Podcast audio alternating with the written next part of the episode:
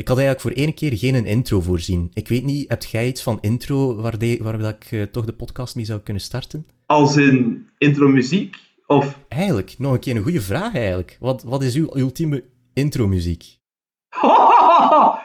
Goh. Uh, dat is heel grappig, omdat ehm, ik heb een, tot, tot een paar maanden geleden was ik uh, muziekredacteur voor de ochtend van Stubru. Ja. En um, wij hadden de, de ochtendzet-campagne. Dus ik weet niet of jij dat weet, het idee van alle ochtendshows doen happy, happy, joy, joy over de ochtend. Wij gaan daar normaal over doen, maar we gaan proberen om iedere ochtend beter te maken met muziek. En dat was dan samengevat in, onder de noemer De Ochtend. En we hadden daar een nummer voor laten maken. Uh, tot twee keer toe. Uh, de Ochtend telkens 50 seconden door een Kempische punkband, Captain Keizer waarvan de zanger een jeugdvriend is van mij. Als in, ik ben 26 jaar, we kennen elkaar 23 jaar. Zo'n jeugdvriend. En ik heb toen twee keer voor een groot deel de lyrics geschreven. En dat nummer was, toen ik moest opstaan voor de ochtend, was dat alarm op mijn gsm. Okay. Dus ik werd elke ochtend om kwart voor vier wakker. Met 50 seconden heel, heel luide punk. Fantastisch.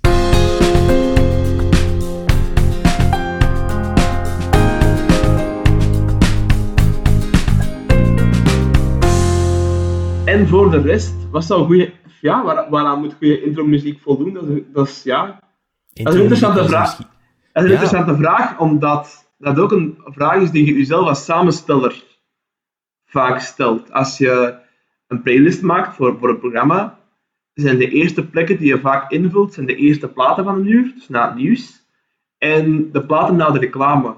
Omdat dat de platen zijn waarmee je na een blok reclame of nieuws, nou, dus woord, vatten wij dat samen, waarmee je na een blok woord terug binnenkomt bij de luisteraar.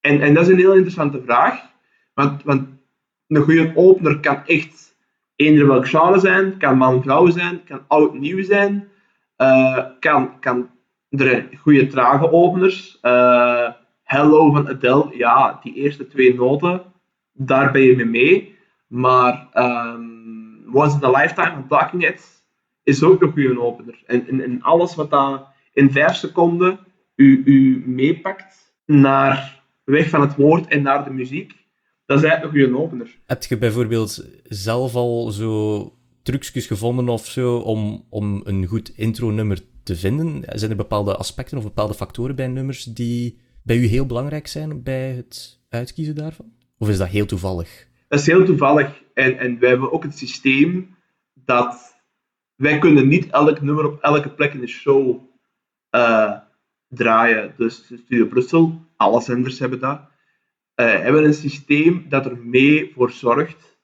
dat um, oude nummers, nieuwe nummers, eigenlijk um, soms, eigenlijk vooral oude en nieuwe nummers met elkaar worden afgewisseld.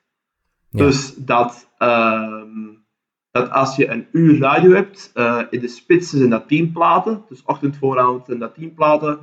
In de voor- en namiddag zijn dat meer platen, omdat je dan minder actuele items hebt.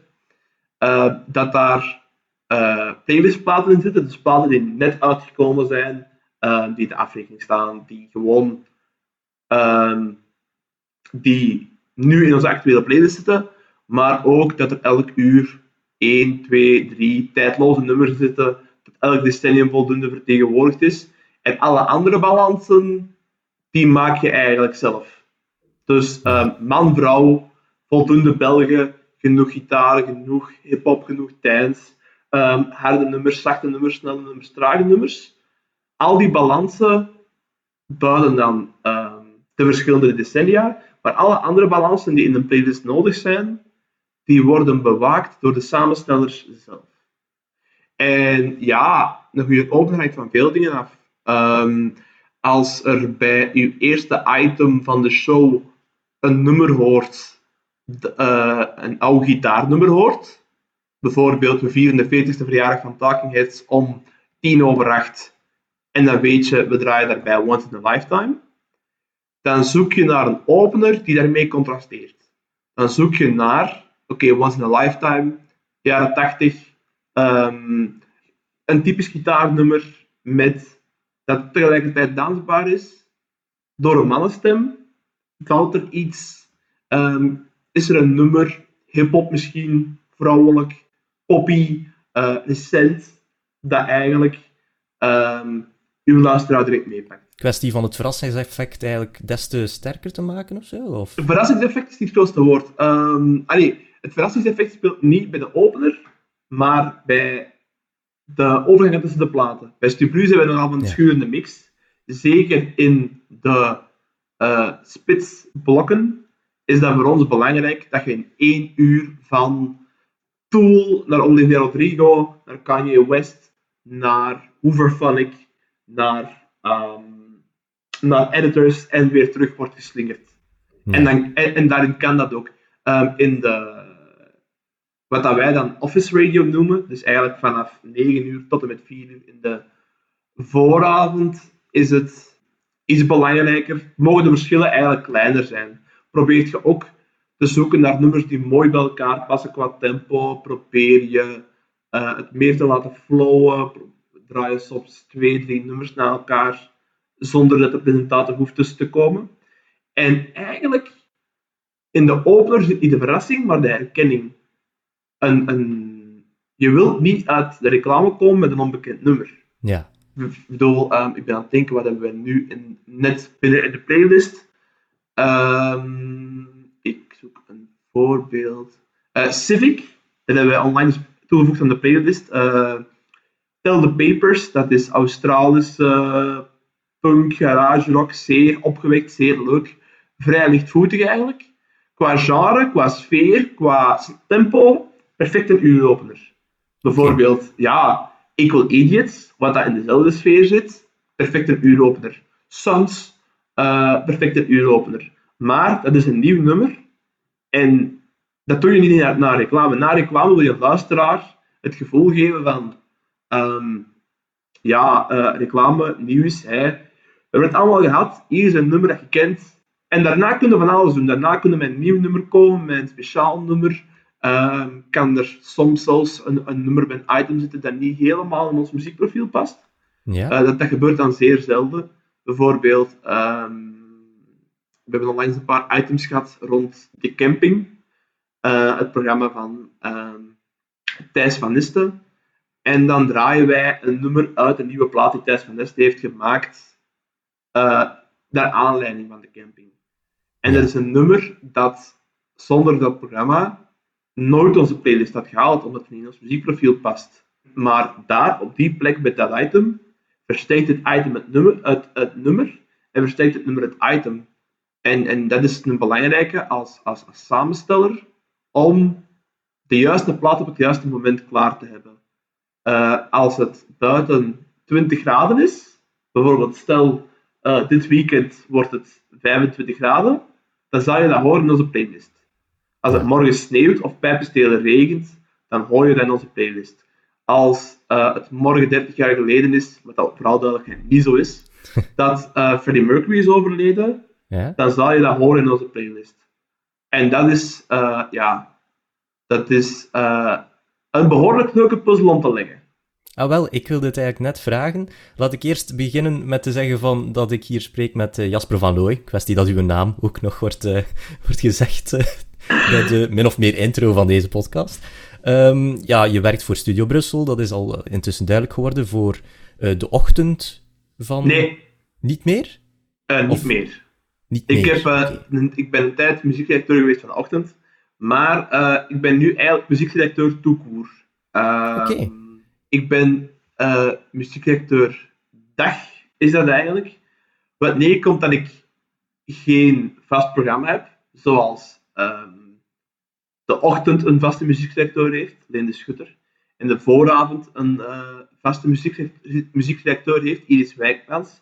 Zij zorgen ervoor dat de playlists van ochtend en vooravond dat die worden gemaakt, dat uh, de muzikale items daar voldoende tot hun recht komen, dat de klemtonen die we leggen als Studio Brussel, de muzikale klemtonen die we proberen te leggen, dat die in die twee belangrijke blokken voldoende naar voren komen.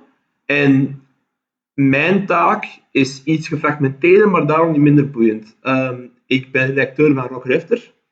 Dat is uh, het verzoekprogramma dat elke weekdag tussen 12 en 1 zit. En waarbij de, de presentatie gebeurt door de luisteraar. Dus luisteraars spreken zelf berichtjes in en die gebruiken wij als presentatie.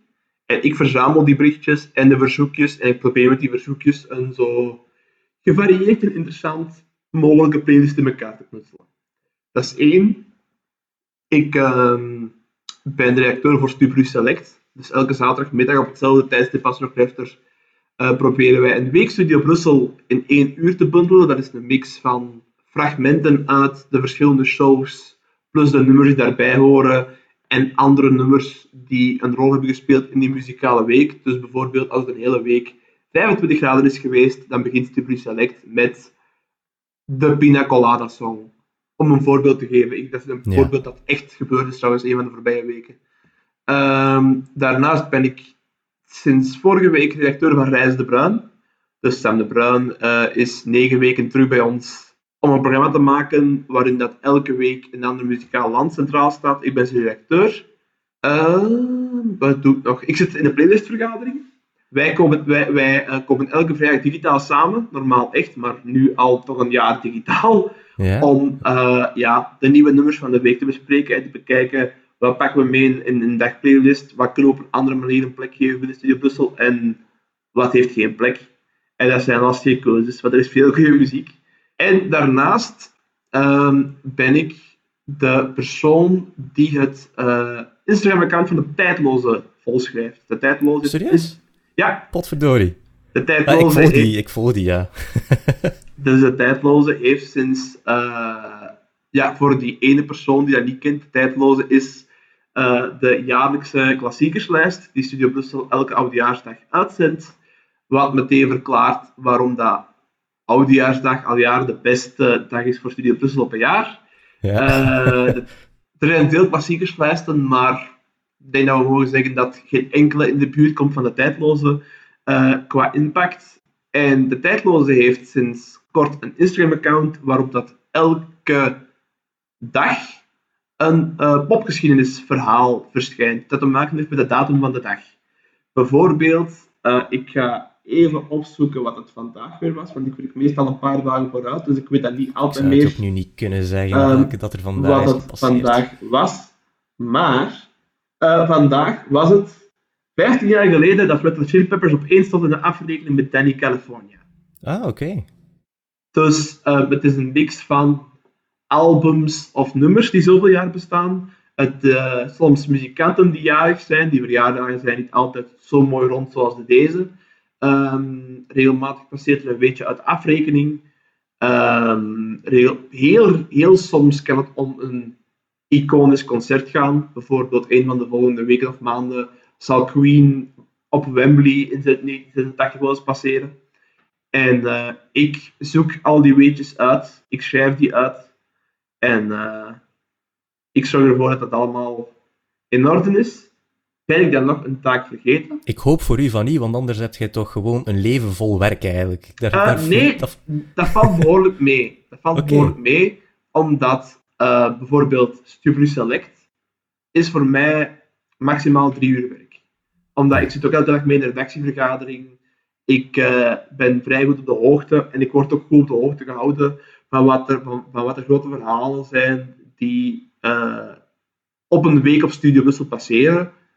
En wat ik dan gewoon moet doen is vijf à zes fragmenten uh, uit het depot halen, die een beetje bijknippen daar tien platen tussen steken en dat is het. En af en toe, um, voor grote projecten, um, doe ik meer research of denk ik mee na. Of um, als bijvoorbeeld bepaalde albums een, een grote verjaardag vieren, brainstorm ik mee over hoe dat we dat in de verf kunnen zetten. Maar dat is niet alleen een taak van mij, dat is ook een taak van de muziekdirecteurs die ik al noemde. Dus zeer gevarieerd, zeer leuk en uh, eh, 100% met muziek bezig zijn. Ja, wel. Ja, zeer gevarieerd. Dat is inderdaad hetgeen wat ik er zelf ook uit afleide. Um, en ja, de kern van, van dat alles is denk ik ja, heel veel naar muziek luisteren. Kunt je er zelf een, een getal op plakken hoeveel uur per dag dat jij een hoofdtelefoon op je kop hebt zitten? Uh, mijn, bijna, bijna mijn hele werkdag. Goh. Maar dat is niet alleen om naar muziek te luisteren. Ik bedoel, als ik uh, quotes aan het monteren ben voor op Defter, heb ik ook een hoofdtelefoon op mijn hoofd. Maar ik heb wel, ik ben sinds dit jaar aan het bijhouden, uh, ben ik alle albums en EP's aan het bijhouden die ik, aan, die ik voor het eerst beluister dit jaar. Ah, oké. Dus zowel uh, Uber Classics als splinternieuwe dingen. Ik ben nu vier maanden ver. Ik ga ze even voor u optellen. Uh, ik zit op 165 albums en EP's. Shit zeg. Waarvan, moet ik eerlijk zijn, er zijn er ook... Ik beluister die niet allemaal met volle aandacht. Als in, ja. ik ga niet bij al die albums zitten voor mijn uh, muziekinstallatie en gewoon alleen maar daarmee bezig zijn. Veel dingen beluister ik ook terwijl ik tijdloze stukjes aan het schrijven ben. Vaak is het ook zo, ik luister een tijdloze plaat terwijl ik een tijdloze stukje erbij schrijf en dan ken ik enkel de hits. Maar ben ik nog nooit, uh, heb ik nog nooit de kans gekregen om die platen in zijn integraliteit te beluisteren. En dat is dan heel interessant. Sommige dingen zijn ook EP's van drie, vier nummers. Um, maar dan is er ook nog de, de, de playlistvergadering van uh, 20, 30, 40 nummers per week. Dus uh, ja, ik, kort gezegd, ik word betaald om muziek te luisteren. En dat is denk ik gewoon echt een droomjob. Is, is het denk je toch wel de job waar, die, waar dat je het ooit voor deed? Het is een variant van de job um, waarvoor ik het ooit deed. Um, ik denk dat ik al van jongs af aan met taal wil, wil, wil bezig zijn en met muziek.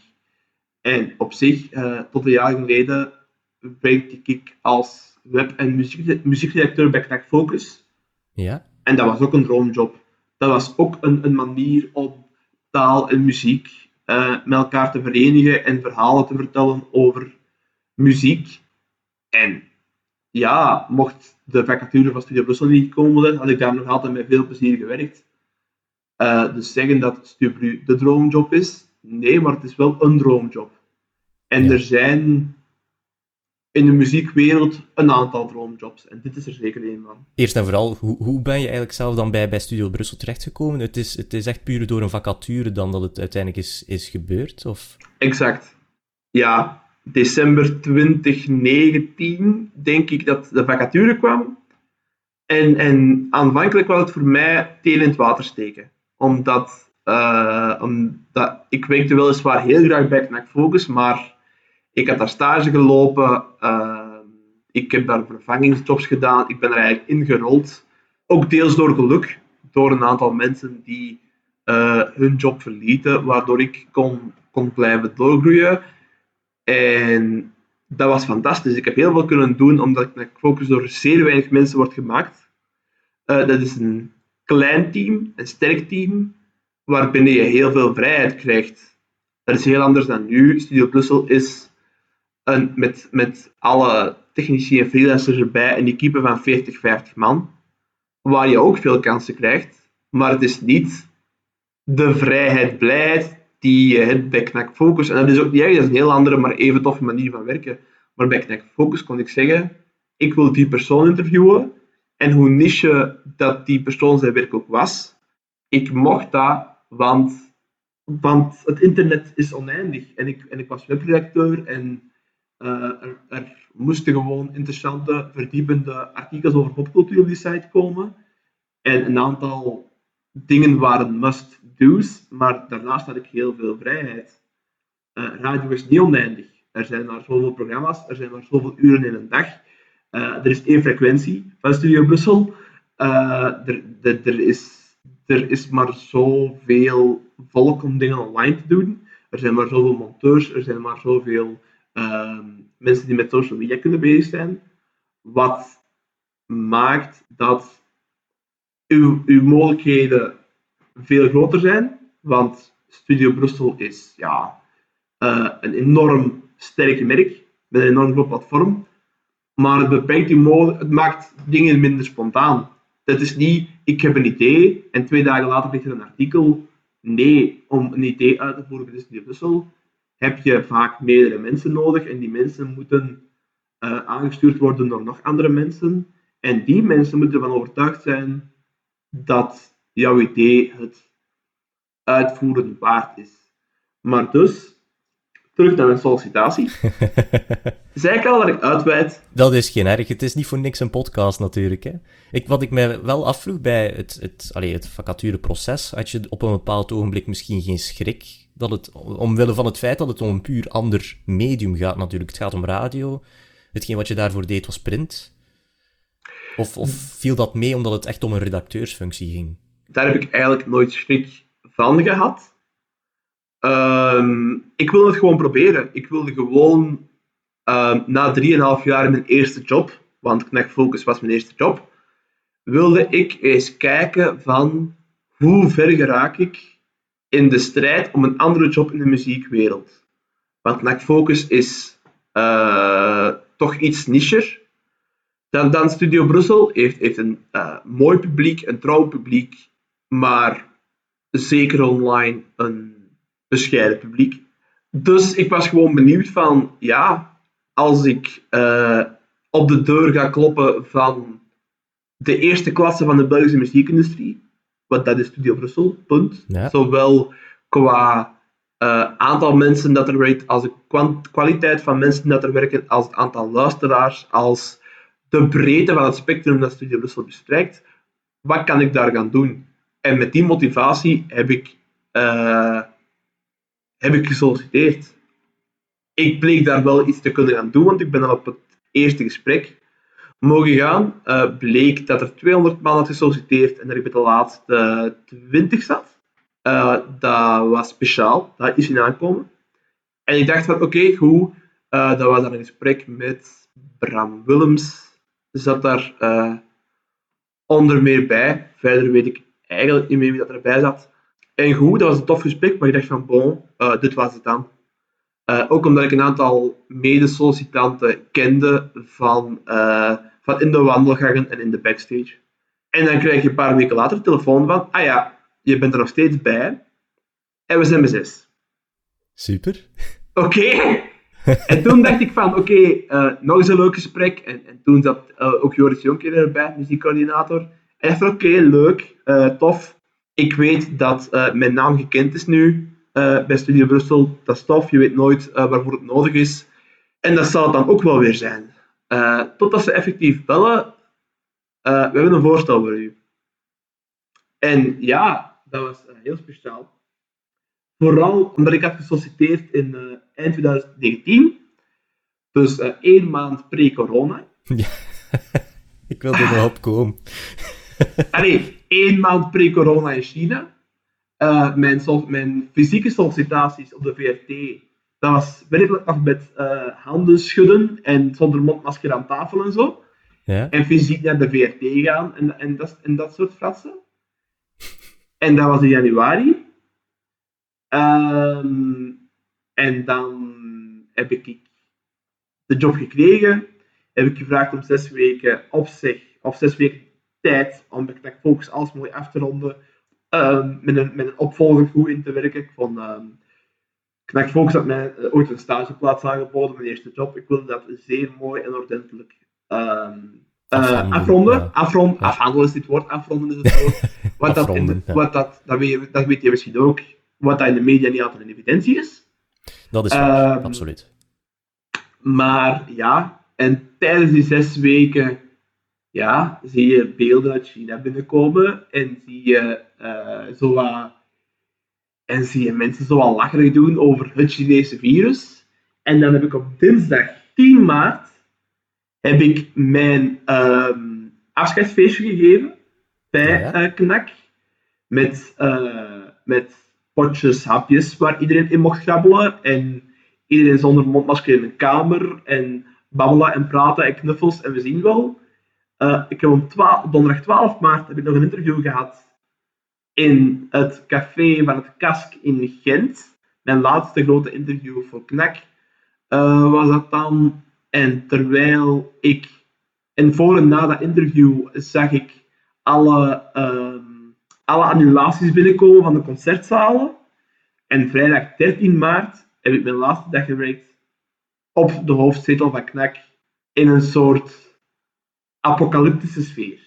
Ja, want en dat dan was heb de ik... dag natuurlijk, ja. Exact, dat was de dag dat België gewoon dat België niet anders kon in de slot te gaan. En normaal gezien ging ik de 16e beginnen bij Stibru, dus direct de maandag erna. Uh, ik had die week al telefoon gekregen van, ja, we gaan je start met een week moeten uitstellen. Want wij hebben op dit moment geen flauw idee wat wij überhaupt gaan doen. Laat staan wat we met u als nieuwe medewerker moeten doen. Heb ik een, uh, een weekje onverwachte vakantie gehad, wat heel fijn was. En dan ben ik eigenlijk thuis beginnen werken. En ik denk dat ik in die eerste twee, drie maanden drie dagen op de VRT ben geweest. Ja, mooi. En met, en met, al, met alle eindredacteurs, met alle collega's, uh, allemaal online kennis gemaakt. Uh, voor de eerste keer alle collega's gezien tijdens een Zoom-apparatief. Want zo gaat het dan in 2021, in 2020 en 2021. Ik heb online kennis gemaakt met de collega's van Zender, wat dat, wat dat van oorsprong programma was uh, waar ik voor zou gaan werken. Ik heb daar nooit één seconde voor gewerkt, omdat Zender uh, ja, weinig zin had in een tijd waarin niemand platen uitbracht en alle concerten waren afgelast. En Zender is nooit meer teruggekomen, want dan is er Café Quarantaine gekomen. En na Café Quarantaine de zomer. En na de zomer waren er de Selector Shows. Dus de Abattoir en Fair, Stijn van de Voorheven, de Lodder, Noemi Vos. Uh, je, kent er, je kent er misschien wel uh, een aantal. En dat, was heel, en dat was dan heel raar uh, om dan, ja, om dan ja, je weg te vinden. Uh, en, en met mensen te werken die je nog nooit fysiek gezien had. Heb je, heb je op dit ogenblik, we, we spreken nu over een dik jaar later, heb je eigenlijk al alle collega's nu een keer in het echt kunnen zien? Of zijn er nog een paar waar dat je nog altijd gewoon digitaal mee hebt gesproken? Uh, ik heb alle collega's ondertussen al gezien. Want in de zomer heb ik uh, Camping Belgica uh, een paar weken mogen doen. Dat was het zomerprogramma op locatie, heel tof. Ik heb ja, de ochtend, het ochtendteam ja, moest altijd op de VRT gaan werken. Dat is heel logisch. want daar is de studio en is al het gerief. dus ja, door dagelijks naar de VRT te gaan voor de ochtend heb ik ook iedereen leren kennen. Er is één persoon van Studio Brussel die ik na een jaar en uh, een dikke maand nog altijd niet fysiek heb aan mogen aanschouwen. En dat is Gunter D. Oké. Zit, zit hij daar nog veel? Ik, ik vraag me dan nu af. Ik zou het niet weten. Uh, ik weet dat hij nu een wekelijks programma heeft. En verder is Gunter D het radio-equivalent van het monster van Loch Ness. Uh, er, zijn, er zijn veel verhalen. Naar schijnt is hem vriendelijk, maar ik heb hem nog nooit in levende lijven mogen zien. Ja, dat betekent dus eigenlijk dat die allereerste dagen op uw werk gewoon vanuit uw bureau thuis waren. Gaf dat toch voor enige, gaf dat toch enige spanning? Of, of viel dat aan zich nog mee omdat je in een vertrouwde omgeving waart op dat ogenblik? Uh, spanning is niet het woord, want de, ik heb de eerste week vooral veel stukken geschreven voor de site en veel research gedaan, wat dat op dat moment, en nu altijd voor mij heel vertrouwde taken waren. Maar je voelt dan wel dat je in een team bent terechtgekomen dat gevormd is door allerlei vaardigheden, door allerlei ervaringen die jij niet hebt gehad. Zoals daar zijn festivalzovers, uh, personeelsfeesten, uh, uitzendingen op locatie. Ja, ik bedoel, uh, Studio Brussel is toch altijd wel een beetje rock and roll. En ja, ondertussen hoor ik er helemaal bij over alle duidelijkheid. Ik, ik kom heel goed overeen met mijn collega's en dat zijn stuk voor stuk schatten van mensen. Maar je voelt wel aan, aan de hand van de verhalen die ze vertellen, dat uh, er nog een, een, een, dat er nog wat oorlogsverhalen op mij liggen te wachten. maar dat, dat komt waarschijnlijk nog wel van zodra dat corona een beetje gaan liggen is. Het is, het is een moeilijke periode, maar um, kijk, het kan, kan enkel maar beter, zeker, denk ik dan. Ja, um, voor alle duidelijkheid. Misschien klinkt het nu alsof ik, uh, alsof ik elke dag zit te weeklagen, maar ik, ik, ik, ik klaag niet. Ik klaag niet. Uh, ik, heb de beste, ik heb een van de beste jobs ter wereld. Ik heb, de, ik heb een job waarvoor ik waar ik als kind nog niet van durfde dromen. Uh, ik heb heel fijne collega's. Ik, uh, het is waarschijnlijk ik, echt een familie ook, hè? Studio Brussel, afgaande op hoe ik het soms zie. Voor een stuk wel, ja. Ik vind familie altijd een raar woord om je collega's te omschrijven. uh, maar wat je wel hebt is, je hangt aan elkaar van dezelfde passie, namelijk muziek. En ja, Stubru is gewoon een bende muzieknerds. Allemaal jonge mensen of jong van geest zijn de mensen. Mensen die graag naar concerten gaan, mensen die niet kunnen wachten tot de festivalwijdes weer open gaan. En, en, en dat bindt u wel. Op het moment dat, stel dat een gesprek zou stilvallen, iemand heeft altijd wel het beste nieuwe nummer van het moment gehoord. Dus ja, je hebt altijd wel een bindmiddel, terwijl in andere bedrijven waar je de sales hebt en de IT en de boekhouding, is dat misschien minder zo. Maar bij Studio Brussel is het effectief zo dat iedereen, mensen die wel meewerken aan de programma's, niet meewerken aan de programma's, mensen die de techniek doen, mensen die uh, de zakelijke aspecten van Studio Brussel uh, ter harte nemen, dat die allemaal wel een gemeenschappelijke deel hebben, muziek. En dat doet wel heel veel. Was je zelf eigenlijk voordien al een Studio Brussel luisteraar? Of, of was dat, uh, lag dat toch een beetje anders? Sporadisch. Ja. Ik... Sowieso nooit een rode radioluisteraar geweest. Um, als er thuis radio op stond of staat, en met thuis bedoel ik mijn ouderlijke huis, dan was dat vooral Radio 2. En ik ben opgegroeid verder met aan moederskant uh, ja, classics, de Beatles, ook Guido Belcanto, zeer veel Guido Belcanto. Uh, jongens. Oké. Absoluut, absoluut. Mijn uh, mama is al jaren grote fan. Ik denk dat dat de artiest is die ik het meest live heb gezien in mijn hele leven. dus langs de ene kant uh, en zette mama vooral cd's op in de auto. Guido Belcanto, Bart Herman, een aantal andere Nederlandstalige uh, artiesten, maar evengoed de Beatles, Leonard Cohen passeren. Dat is de classics, maar geen wereldschokkende muziek die ineens Frank Zappa of speed metal of zo uh, gewoon de betere luistermuziek. En langs papa's kant vooral dan rock, als in mijn papa is een drummer, ik ben een drummer. En daardoor weet ik al vroeg wie dat iemand als Terry Bozzio is, de drummer van Frank Zappa. Uh, door hem heb ik met open mond gaan kijken naar iemand als Cedar Zuiderwijk van Golden Earring. Uh, mijn papa heeft ook een live CD van Volumia. Volumia, de Nederlandse band van uh, Xander de Bouizelier. Ah, ja, oké. Okay. hou me vast. Leg me een hoofd niet op mijn schouder. Maar los van... Er is het, de, cheesy, de cheesy Volumia, maar er is ook de blazers, gitaren, alles los, stadion volumia. En daar is mijn vader een heel goede live CD van. Dus dat is waar ik muzikaal mee opgevoed ben, met goede CD's en af en toe een beetje Radio 2. Ja. En dan zelf, vooral door, door uh, uh, het moment waarop ik zelf echt muziek ben beginnen checken en actief ontdekken, was Spotify er al en kocht ik zelf CD'tjes. Dus eigenlijk heeft radio mm, niet zo'n grote rol gespeeld in mijn muzikale ontwikkeling. Tenzij, ja, de tijdloze, elk jaar, waar is de week, elk jaar luisteren. En dan toen Zender begon, uh, luisterde ik daar ook regelmatig naar. Ehm, en, en, en, en daar bleef het wel bij of zo.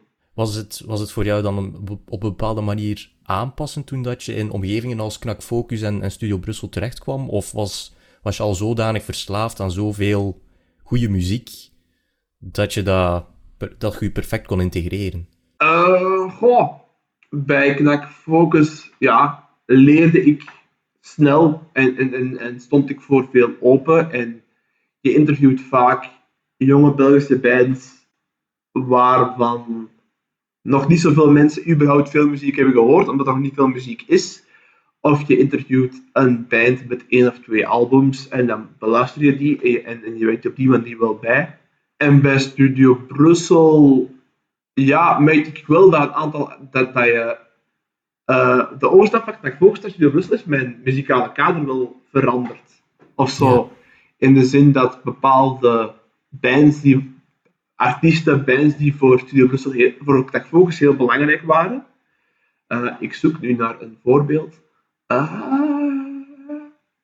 een band als Stuff, die ja. bij Knack Focus dan vier, zes bladzijden, vier bladzijden of zes bladzijden groot interview kreeg, dat die dan bij Studio Brussel zelden de dagplaylist haalt. Wij luisteren daarnaar, we hebben daar aandacht voor, we proberen daar veel mee te doen, omdat dat een hele coole band is waarvan we weten dat hij een publiek heeft. Maar de meeste nummers van Stuff zijn niet geschikt om om twee uur middags te laten horen aan honderdduizend werkende mensen. Ja. Dus je, je verandert van kader en heel veel artiesten, zo artiesten op bepaalde nummers, uh, een aantal 90s dingen die je dan wel kent, maar van, waar je geen naam bij kan plakken. Ja, daar plak je dan een naam bij door te gaan samenstellen. En door in het systeem van Studio Brussel heel veel muziek te beluisteren. En in het begin zijn het allemaal onbekende namen. En dan luister je dan naar en denk je van, ah ja, dat is dat. Zo'n nummer, dat is nu heel typisch. Um, She's Homeless van Crystal Waters. La da di da da, la da di Ah ja, oké, ja, toch wel. voilà, exact. Maar je, je kent dat nummer, maar ja, dat is de Stubru Classic. Dat is een nummer dat al, al jaren meegaat in de platenbak van Stubru. En het zijn dat soort nummers dat je dan wel snel van naam leert kennen door, door samen te stellen. En, en, en ja, bij Stubru beginnen werken is gewoon uh, met de neus dicht in een bad vol muziek springen. En, je bent, en, en bij Knack Focus uh, weet ik ook af en toe, uh, schreef ook af en toe artikels over film, over tv, omdat dat ook belangrijke gebieden zijn voor Knack Focus. En het was belangrijk dat al die deelgebieden uh, goed tot hun recht kwamen op de site. Maar bij Studio Brussel is het muziek, muziek, muziek, muziek, muziek. Ja. En door gewoon dag na dag, vijf dagen per week, drie uur muziek samen te stellen voor de ochtend, of uh, elke dag die tijdloze posts te schrijven, leer je gewoon supersnel uh, bij. Voor alle mensen die denken dat je een soort uh, Stijn van de Voordiaanse pop-encyclopedie pop moet zijn om bij Studio Brussel te werken, dat is niet waar. Ik was dat niet toen ik bij Studio begon te werken. En ik ben er nog altijd niet. Um, ik weet veel van muziek, ik ga er ook niet flauw over doen. Maar uh, Stijn of Kirsten of, of Iris Wijkmans of Jeroen de Lodder kan nog altijd met muziek afkomen. En ik hoop dat ze dat nog lang blijven doen. Waar ik nog nooit van heb gehoord. En dat is helemaal oké. Wat je wel moet zijn om bij Studio Brussel te komen werken, is gretig, nieuwsgierig, geïnteresseerd, uh, bereid om heel snel heel veel bij te leren en vol in het uh, bad met muziek uh, te duiken, met de, het hoofd vooruit de platenbak in. En, en, en, dan kom je al heel ver. Natuurlijk moet je wel een, een muzikale basiskennis hebben. Ik denk, uh, ja. de, de, denk de sollicitant die naar de VRT komt en het in Keulen hoort donderen bij de naam Alex Turner. Ja. de kans dat hij een, een, een ronde verder geraakt is klein. Maar ik bedoel, Studio Brussel heeft. de, ik heb mij altijd verteld dat de platenbak van Studio Brussel, en daarmee bedoel ik alle platen die in ons systeem zitten, ja? dat dat uh, over de 30.000 zit. Okay. Dus ja, uiteraard, de kans dat iemand al die 30.000 nummers kent bij Studio Brussel, acht ik heel, heel klein. Ja. Allee, eerlijk gezegd onbestaande. En, en vergeet ook niet, er komen elke week niet alleen nummers bij um, voor de dagplaylist, maar ook nummers voor onze digitale muziekstreams, Brut, Hooray, Und, uh, Ik luister Belgisch. Dus gewoon elke vrijdag, elke New Music Friday, worden er alles bij elkaar toch minstens 20 en waarschijnlijk meer nieuwe nummers aan toegevoegd. Dus, dus, dus ja, het is heel logisch dat, dat je niet alles kent, niet alles weet. Uh, maar ik denk dat dat Studio Brussel ook wel kenmerkt. Dat is gretigheid, nieuwsgierigheid. Dat is um, ik heb een samenvatting gevonden.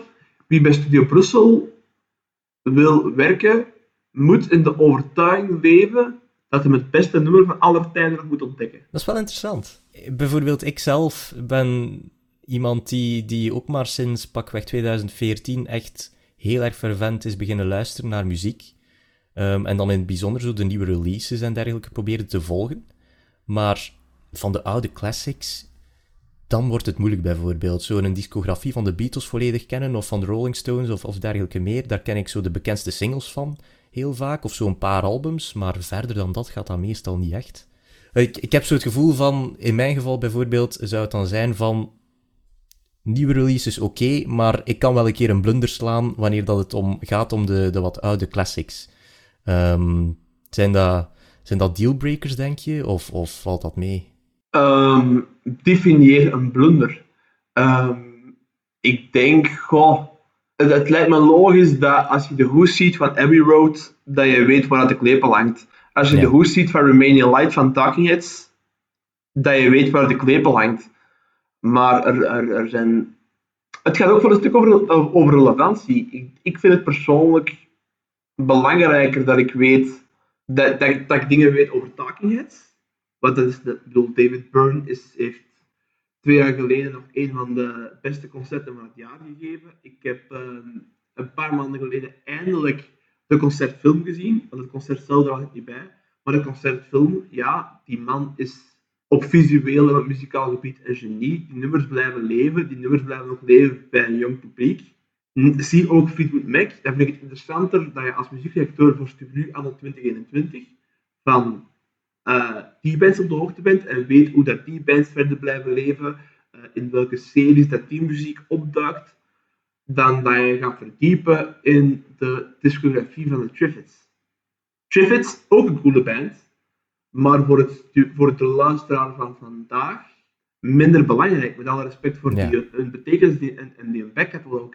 En het andere aspect dat ik daarbij wil benadrukken is, Studio Brussel is niet alleen Stijn van de Voorde, is niet alleen Michel Cuvelier, is zeker niet alleen Jasper van Looy, maar is de ongelooflijke veelheid en, uh, aan muzikale inzichten die alle medewerkers van Studio Brussel samen hebben. En dat is zeker niet beperkt tot muziekdirecteurs of DJ's of selectors of hosts. Ik leer, ik, ik leer van iedereen bij, bij Studio Brussel elke dag. En gaan er dingen, uh, gaat de nieuwste rap soms van mijn radar vallen? Absoluut wel. Maar ik heb er het volste vertrouwen in dat uh, Nuna, alias Black Mamba, uh, die elke week ook bij onze show heeft en uh, Hooray cureert, onze, onze, onze hip-hop stream, dat die mee is. Ga ik soms een dansplaat gemist hebben, omdat ik niet elke week de Beatport charts check? Ja, maar ik ben er 100% zeker van dat als die plaats relevant is, dat je een rolder die aan ons gaat signaleren. En ik, uh, ik ken zeer goed de, de gaten in mijn eigen muzikale kennis.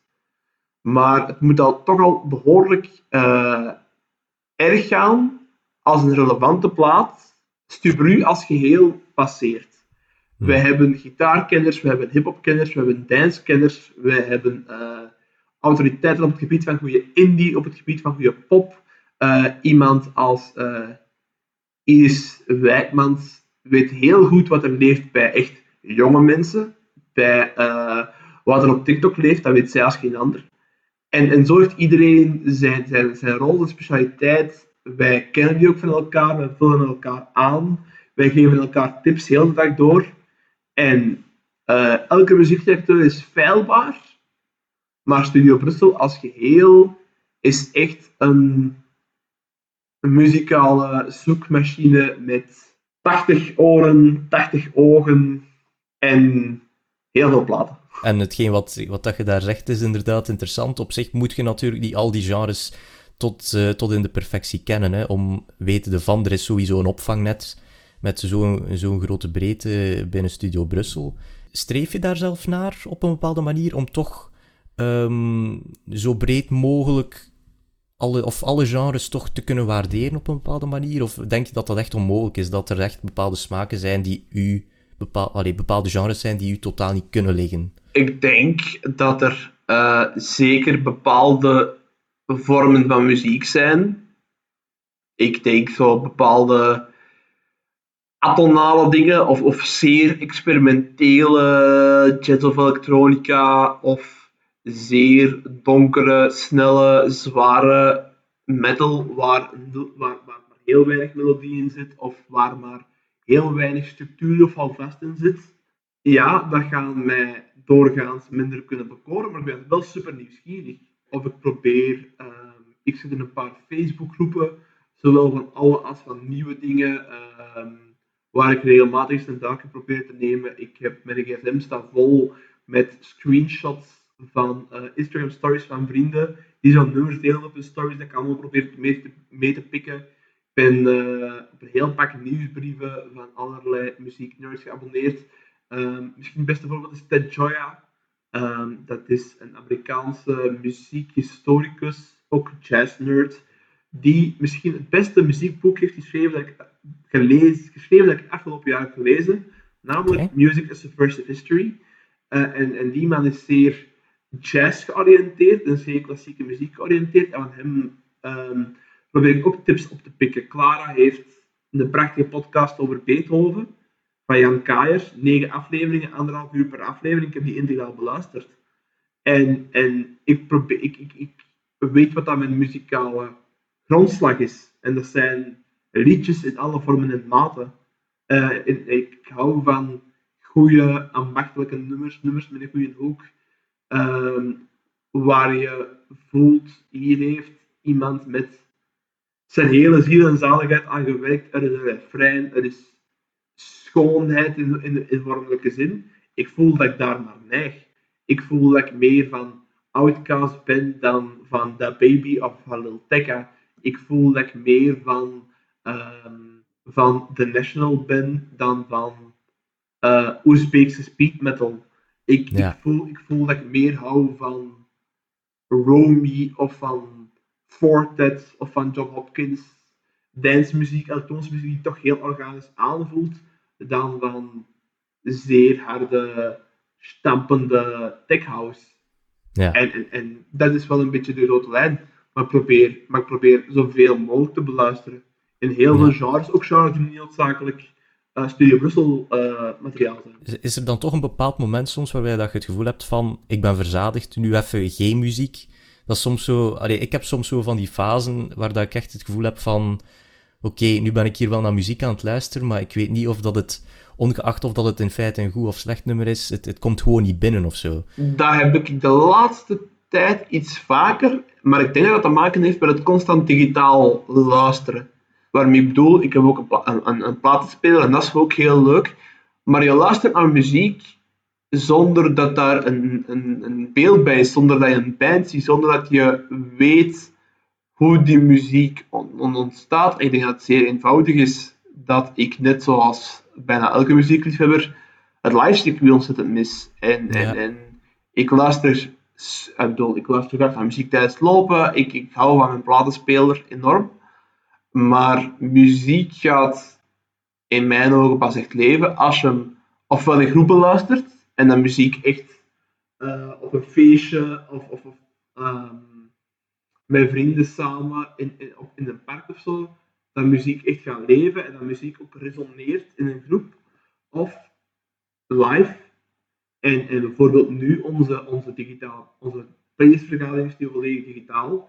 Dus wij luisteren elk op, op onszelf naar de, de nummers, de nummers van de week, de, voorselectie. En dan praten we daarover digitaal. Maar voordat we dat hadden ingevoerd, dan zaten we gewoon in een vergaderlokaal. Vergen we elkaar uiteraard. En dan luisterden wij samen voor de eerste keer naar die nieuwe muziek. En dan was er al, dan kon je elkaar lichaamstaal voelen, dan kon je al zien wie is er mee, wie is er niet mee.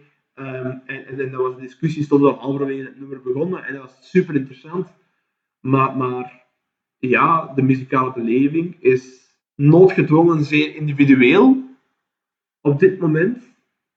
En je krijgt zoveel binnen en, en het komt allemaal binnen via diezelfde koptelefoon of via diezelfde luidsprekers. En, en dat maakt het soms afstompend. Ook omdat ik voel dat uh, de beste platen van het moment, ja, dat die nu gewoon in een klas liggen te wachten tot het leven zich hervat. Ja, ik moet zeggen, ik heb op, op dit ogenblik ook zo'n beetje het gevoel, maar dat, dat kan ook aan mij liggen, dat, dat op dit ogenblik zo het, muziekjaar 2021 ook nog redelijk matig is, naar mijn gevoel. Misschien dat, dat jij het daar niet mee eens bent, maar ik heb het gevoel van... Ik, de laatste maanden heb ik echt het gevoel van, ik, ik voel het niet. Er zijn niet zo van die platen waar dat ik echt denk van, ja, dat is hem. Wel zo'n plaat met enkele leuke singles en dergelijke, maar niet zo eentje waar dat ik echt denk van begin tot eind, ja, bunker op. Exact, exact. Ehm, bij mij is dat eigenlijk hetzelfde verhaal. Uh, je hebt me gevraagd om een plaat van de maand te kiezen, daar komen we wel straks op. Uh, je mocht hem gerust al meteen uh, de wereld insturen hoor. Alles, alles op zijn tijd, Kim. Maar ik vond het heel moeilijk, omdat ik hoop dat de plaat van de maand of de plaat van het jaar, dat die nog gaat komen. Heb ik toffe platen gehoord dit jaar? Kei veel. Ik heb niet 165 albums gehoord en dat daar niks goed bij zit. Ja. Daar, zitten, daar zitten veel goede dingen bij. Daar zitten veel toffe platen bij, er zitten veel goede platen bij, er zitten een paar heel goede platen bij. Maar ik heb dit jaar nog geen album gehoord dat mijn hoofd deed ontploffen. Ja. Dat mij deed denken, what the fuck ben ik aan het luisteren? Hoe komt het dat ik hier nog nooit heb van gehoord? En geef mij een bandcamp link dat ik aan de persoon die dit prachtige juweel heeft gemaakt heel veel geld kan geven.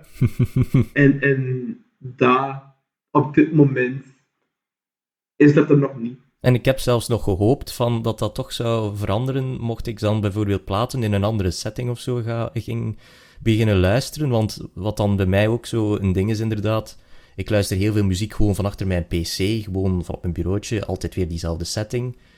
Wat op een bepaalde manier toch... Allee, ik zal het anders zeggen, muziek bij mij is heel vaak iets wat um, mij doet terugdenken aan bepaalde plaatsen of bepaalde gebeurtenissen. En dat mis ik nu, heb ik zo het gevoel. En ik heb dan toch een paar keer geprobeerd om bijvoorbeeld in steden gewoon dan eens te gaan rondwandelen en dan zo een keer wat muziek mee te pikken. Maar zelfs dan merk ik dat het toch niet helemaal uh, dat is wat ik hoop dat het zou zijn. Ja, dat is ook volgens mij de reden dat we dit voelen, is dezelfde reden als waarom dat veel artiesten nog wachten om de plaat uit te brengen die ze op hun leven hebben liggen muziek is van oorsprong een groepsbeleving. Muziek um, voor de tijd van uh, opnametechnieken um, was muziek iets dat je in groep deed. Je zong samen, je muziceerde samen. Er was geen rechte pijl te trekken van de muzikant naar de ontvanger. Nee, iedereen ontving en zond uit tegelijkertijd. En, je, en um, dan had je opnametechniek, grammofoon, fonograaf, dat soort dingen. Wat dat maakt dat je muziek in kleine groepjes begon te beluisteren. En eigenlijk is je muzikale, de, de luisterervaring is steeds individueler geworden. Tot op een punt dat iedereen heel individueel kreeg bepaald wat je volgende nummer kan zijn, gekozen door een algoritme. En dat algoritme is voor mij anders dan voor jou, Kim, en, en anders dan voor vrienden van mij, vrienden van jou, dat is vrienden anders. En, en, en, en die koptelefoon, die oortjes, dat maakt alles zo individueel. En ondanks die individuele luisterervaring geloof ik dat muziek het beste resoneert in groep. Ja. Ik geloof dat, voor sommige muziek is dat minder zo, maar ik geloof dat popmuziek niet tot zijn recht komt, of niet voldoende tot zijn recht komt, als die niet kan gedeeld worden. En, popmuziek kan individueel zijn. Hè? Popmuziek kan individueel zijn, maar popmuziek is herkenbaarheid in groep. Driver's License van Olivia Rodrigo, ja, je kan er alleen naar luisteren, alleen op je kamer, maar stel u de impact voor van dat nummer als het vandaag zou gedraaid worden op een giervaaf. Stel je voor, DJ Oompa Oompa Oompa legt alles stil die eerste drie noten van driver's license. En heel die parochiezaal staat vol met gasten en meisjes tussen de 16 en de 20 jaar. Dan komen al die individuele ervaringen komen samen tot iets dat veel groter is dan de optelsom van die ervaringen. En dat groepsgevoel gaat uh, die individuele ervaringen in de toekomst, als mensen terug alleen naar dat nummer gaan beluisteren, nog versterken. Dat is een van de fijne dingen van bij Studio Brussel werken. We hebben een enorm live archief. Een enorm archief van, um, van opnames van de AB, van Rock Weekte, van Pukkelpop en ga zo maar door. En je voelt uh, bijvoorbeeld in de, in, de, in de vooravond bij Eva en Max Vrijs, ik weet niet of ze het nu nog altijd doen, maar ze hebben een hele tijd, elke dag een live verzoekje gedraaid. Ja, de reacties op de app liepen massaal binnen.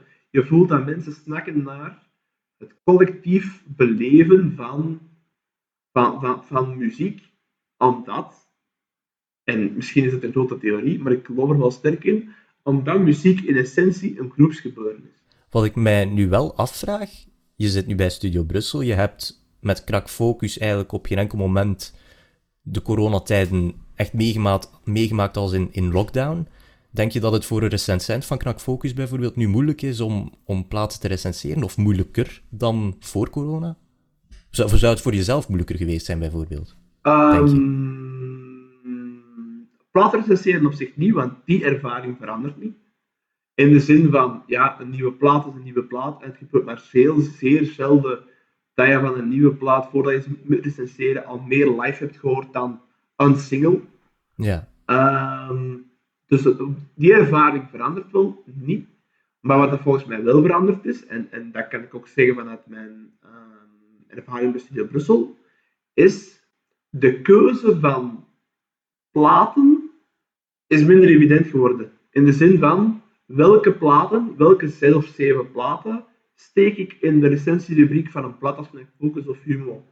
Er zijn een aantal namen die je, die je sowieso blind aanduidt, waarvan je weet van, als die een nieuwe plaat uitbrengen, uh, dat is materiaal voor Knack Focus. Super helder. Net zoals wij weten, als er een nieuwe Billie Eilish uitkomt, als er een nieuwe Elders uitkomt, een nieuwe single, ja, dat is Studio Brussel materiaal. Maar een, een, een zin die vaak op de playlist terugkomt, en die ongetwijfeld ook zal, vaak zal terugkomen bij de uh, samenstelling van de recensierubrieken, is ik kan niet zo goed inschatten wat de impact of de aanhang van deze band is. Ja. En waarom? Omdat het live circuit is weggevallen. Bijvoorbeeld, um, ja, als je als, je als gitaarband uh, je eerste plaat uitbrengt in niet-coronatijden, dan is de kans groot dat je al eens een showtje hebt gespeeld in de kleine zaal van de botaniek, of de bar ja. van de tricks, of dat je al een, voor, of dat je als, al een voorprogramma bent hebt um, gespeeld van deze of gene band. En dat vertelt veel. Want iedereen kan streamen. Maar het is wel interessant om van een band, zelfs een DJ of van een rapper, te weten hoeveel mensen in Vlaanderen zijn bereid om voor die artiest 15 à 25 euro te betalen, een trein te pakken of een auto te pakken, de avond vrij te maken, bonnetjes te kopen ja, je kent het hele verhaal van naar een concert gaan. Ja. Wie is daartoe bereid?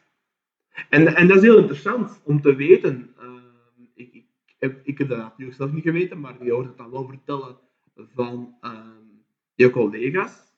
Dat het live verhaal van een band in België, dat dat wel meespeelt. Uh, of dat dat je wel helpt om te weten hoe belangrijk of impactvol of relevant is deze band in België.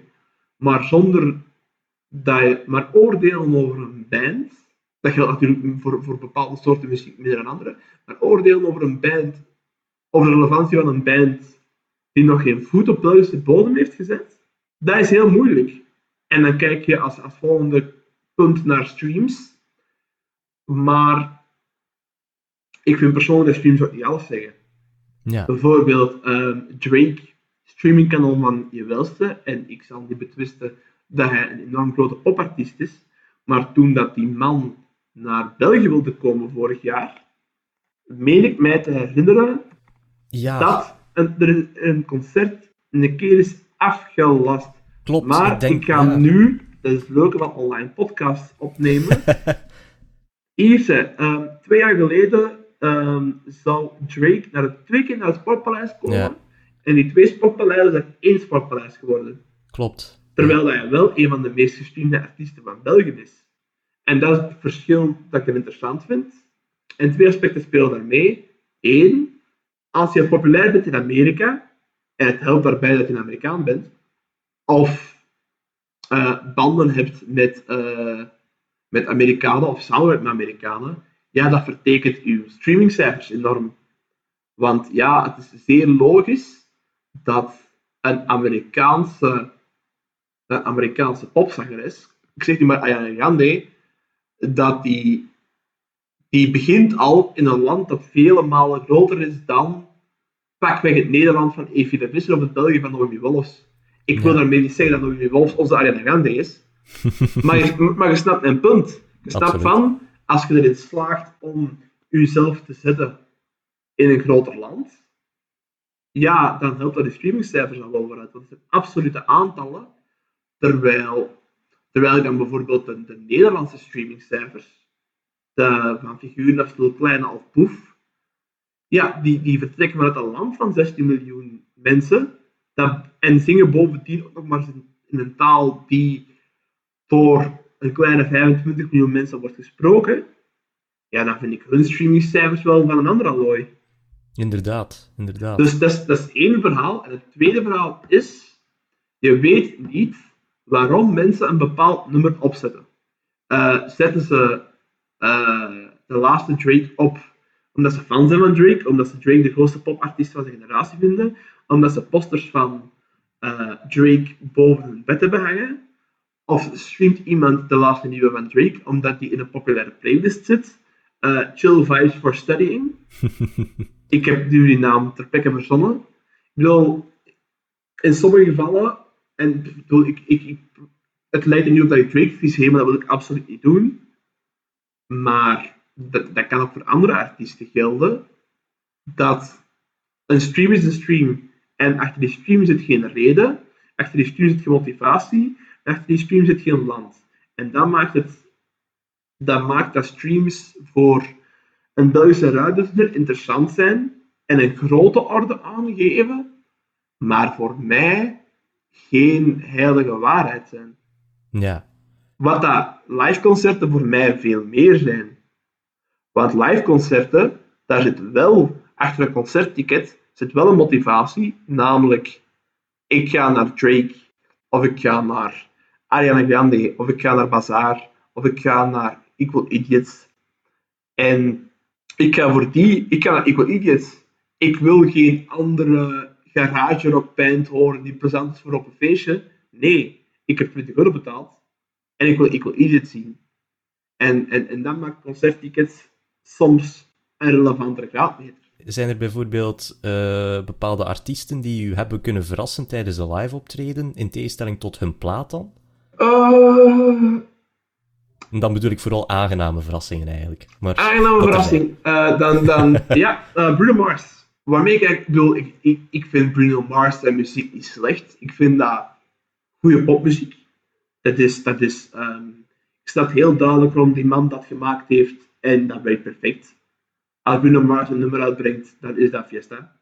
En dan, is en dan denk ik dat de fans van Bruno Mars zeer tevreden zijn. Mhm. En de hitradios ook, want die man schrijft hits aan een ongelooflijk tempo. Waarvoor hulde.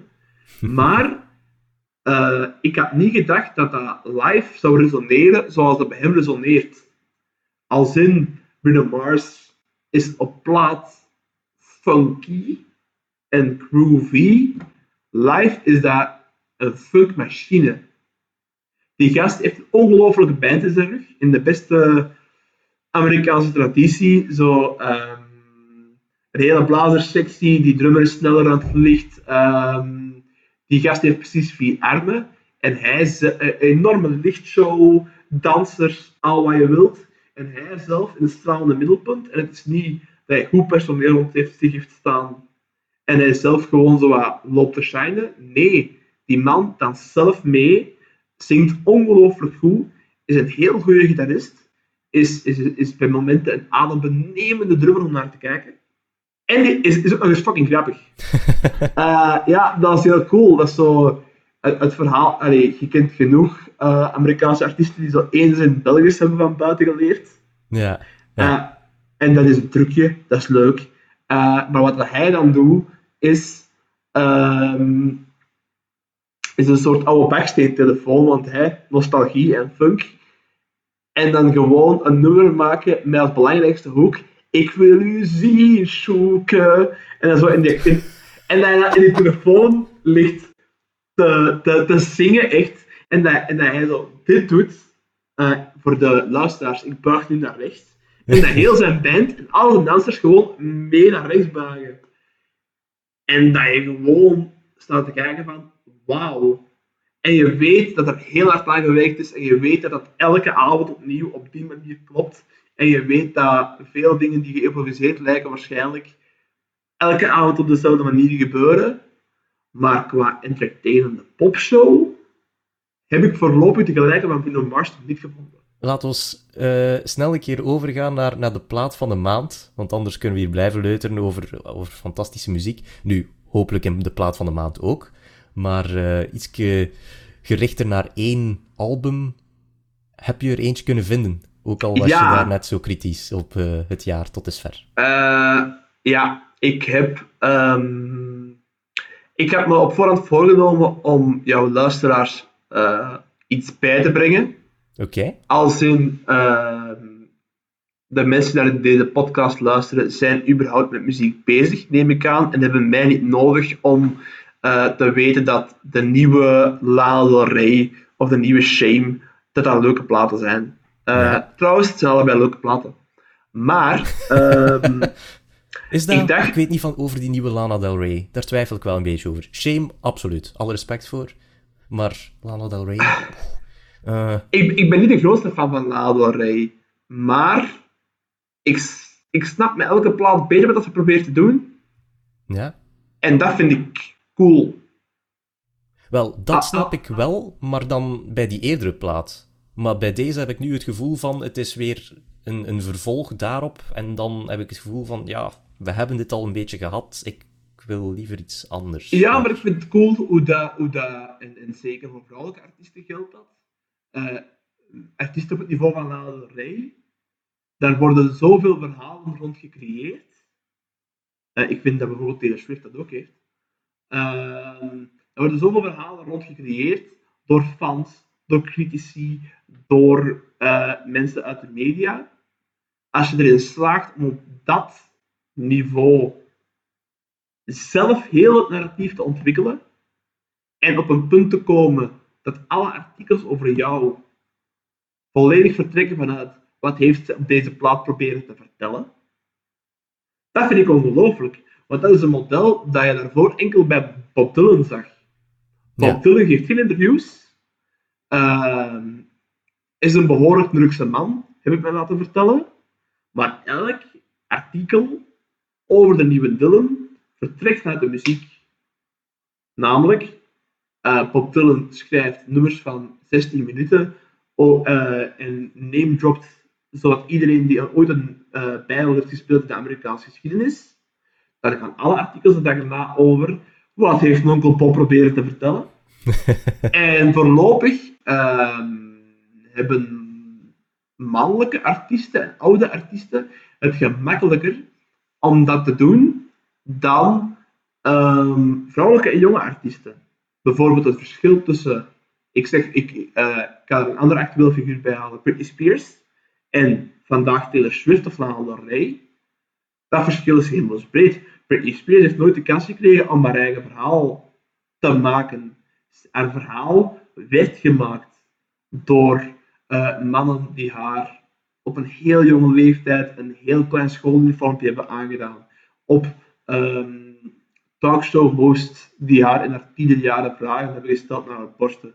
Um, door uh, muziekpers die grotendeels mannelijk en grotendeels vrij rijp is of was.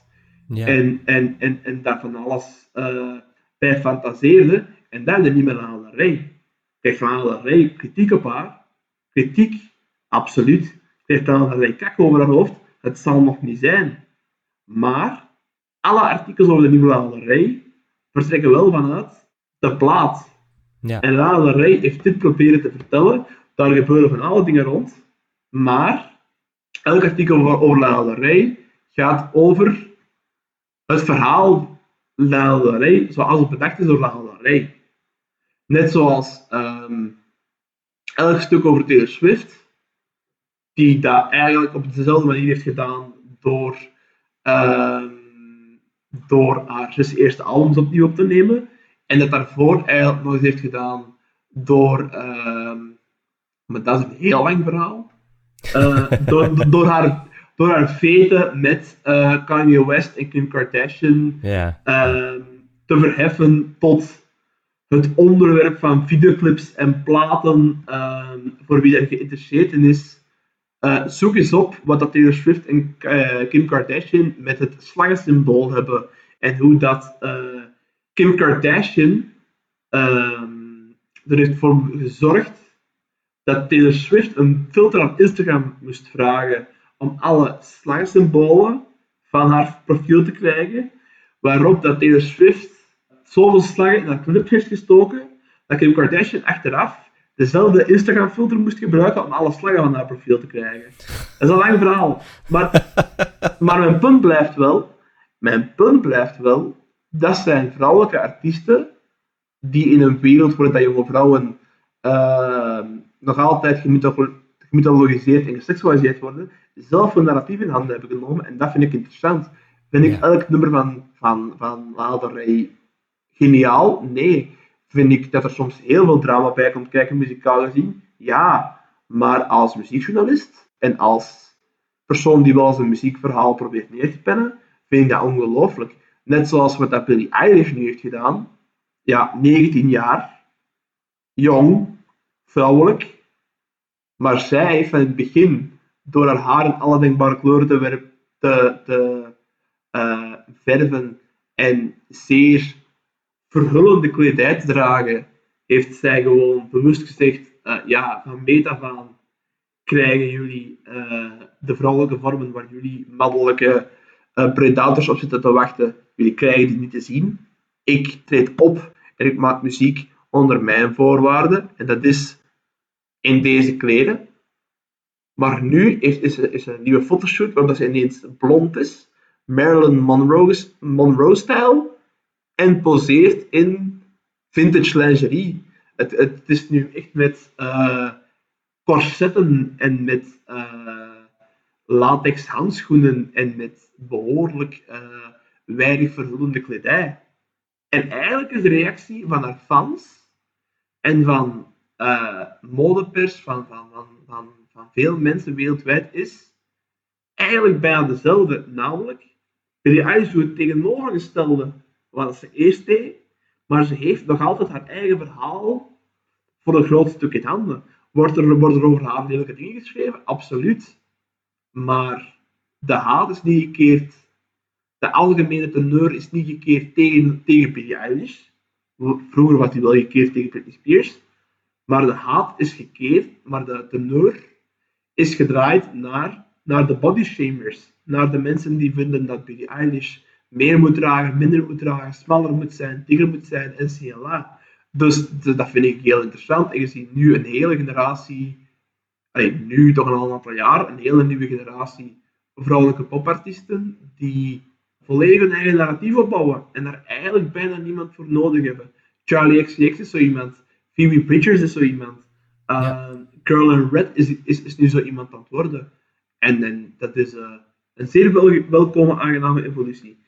Maar dus, Rey, goede plaat. Maar de Ja. plaat... ehm, maar als ik dan toch een, een plaat van de maand mocht tippen in een, een vrij matig muziekjaar, dan dacht ik van oké, ik wil dat zo weinig mogelijk luisteraars ervan hebben gehoord. Niet per se om zelf snobby te zijn, maar dat het voor zoveel mogelijk luisteraars een, een, een kennismaking kan zijn.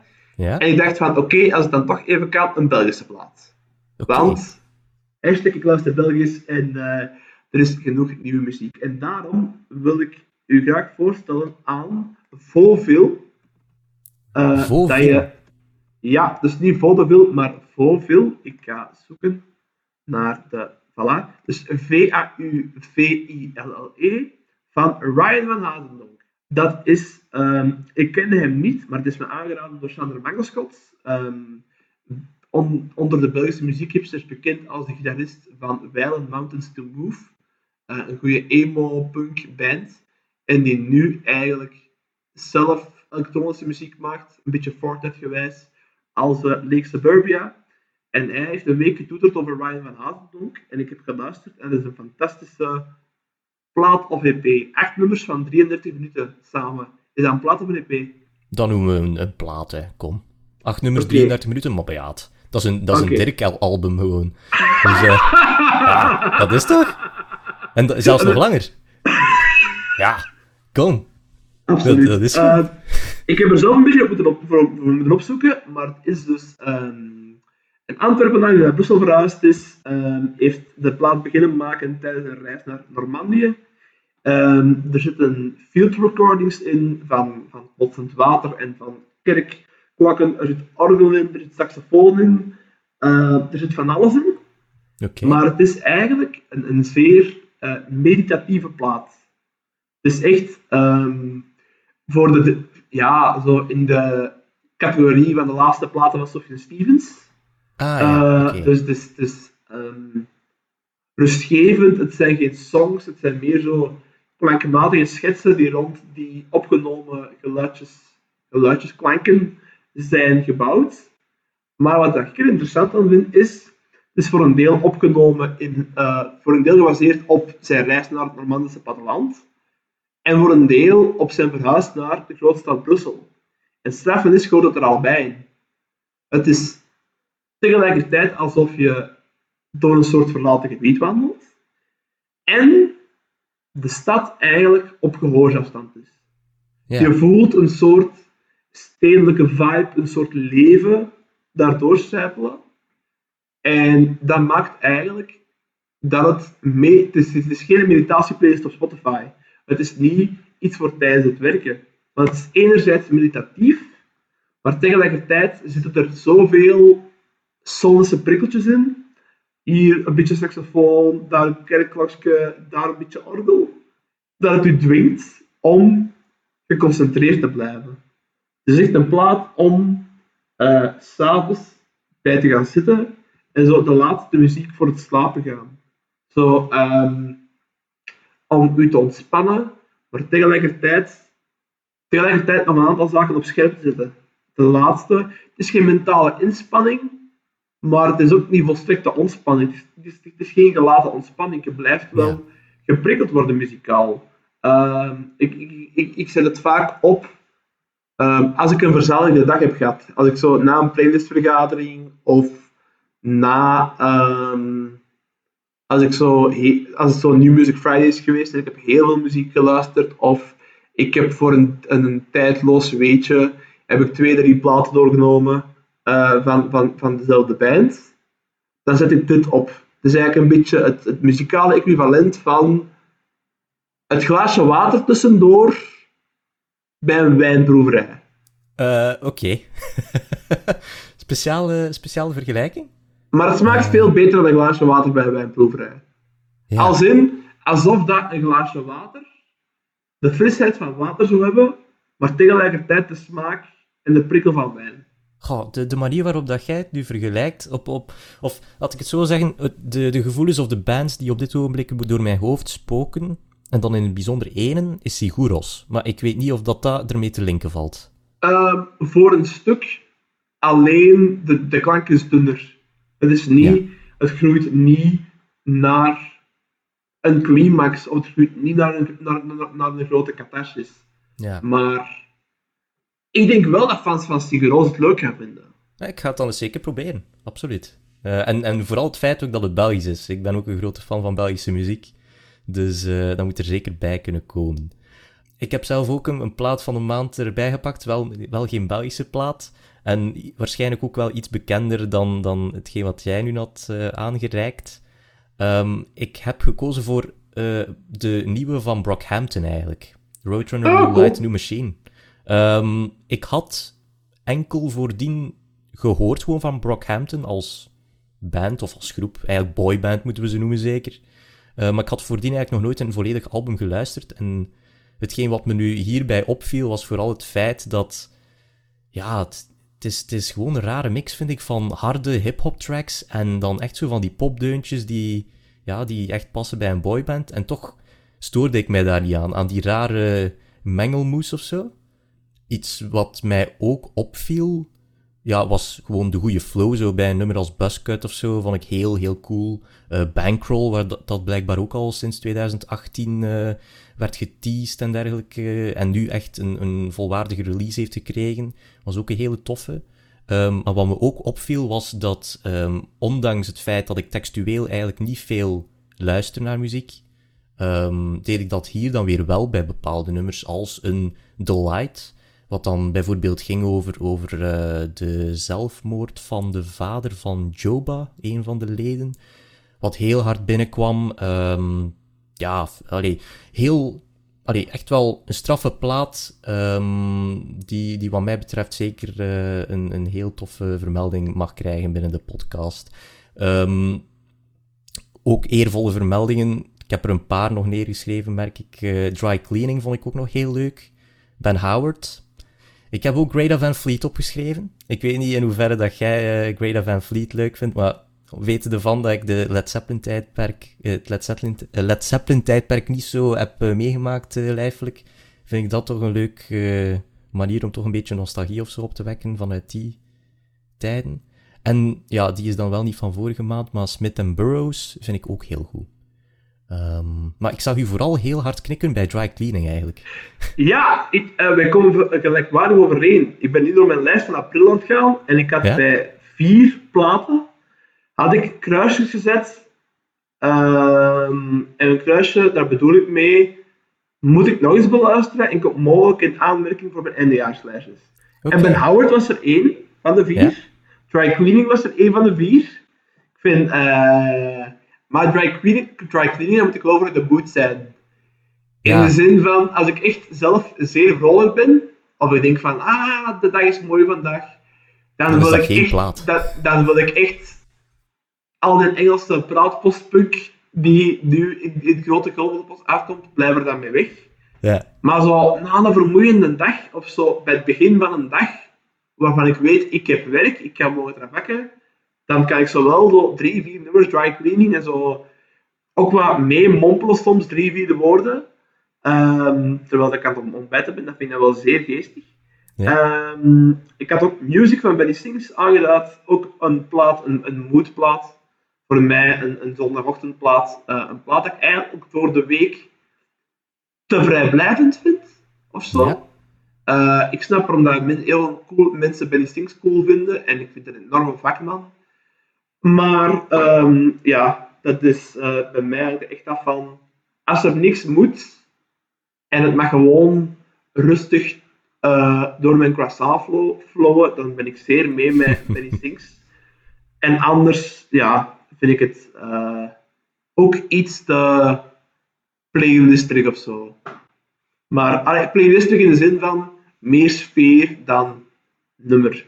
En ik had ook een Yeti Season van El Michels Affair uh, aangeduid. Ook de eerste keer dat ik van die band had gehoord. Nog nooit maar, van gehoord, ik ook. Uh... dus ik was getriggerd op de bandnaam en het is zo... Um, misschien denk ik nu iets heel dom voor de mensen die de band echt goed kennen, maar ik had zo'n beetje een Avalanches gevoel bij. Uh, zo veel samples of veel muziek die gemaakt is om door andere mensen te worden gesampled. Is trouwens ook al door zeer veel mensen gesampled. Uh, El Michels affaire. Ik heb dit eigenlijk niet voorbereid in eervolle vermeldingen. Maar ik ben dus tegelijkertijd aan het um, opzoeken wat dat El Michels affaire is. Maar dus, uh, die hebben lang uh, opgenomen met Sharon Jones en de Dead Kings. Hij heeft lang uh, met de Hoot Clan, of met bepaalde leden van de Hoot Clan gespeeld. Heeft op basis daarvan zijn tweede album, Enter the 37th Chamber. Terwijl ja, de andere 36 Chambers waren al van de uh, Clan. Jay-Z heeft zijn muziek gesampled, Jay Dilla, J. Cole, Travis Scott hebben zijn uh, muziek gesampled. Ik wou dat kon zeggen welke nummers precies, maar dat weet ik dus niet. Maar het is ja, ook een plaat waar daar veel ambacht in zit, veel ziel.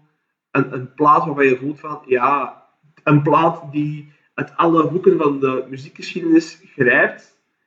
En waarvan je denkt, uh, ah ja, hier kan je heel veel coole dingen mee doen. En om op Greta van Vliet terug te komen, ja. Uh, dat vind ja.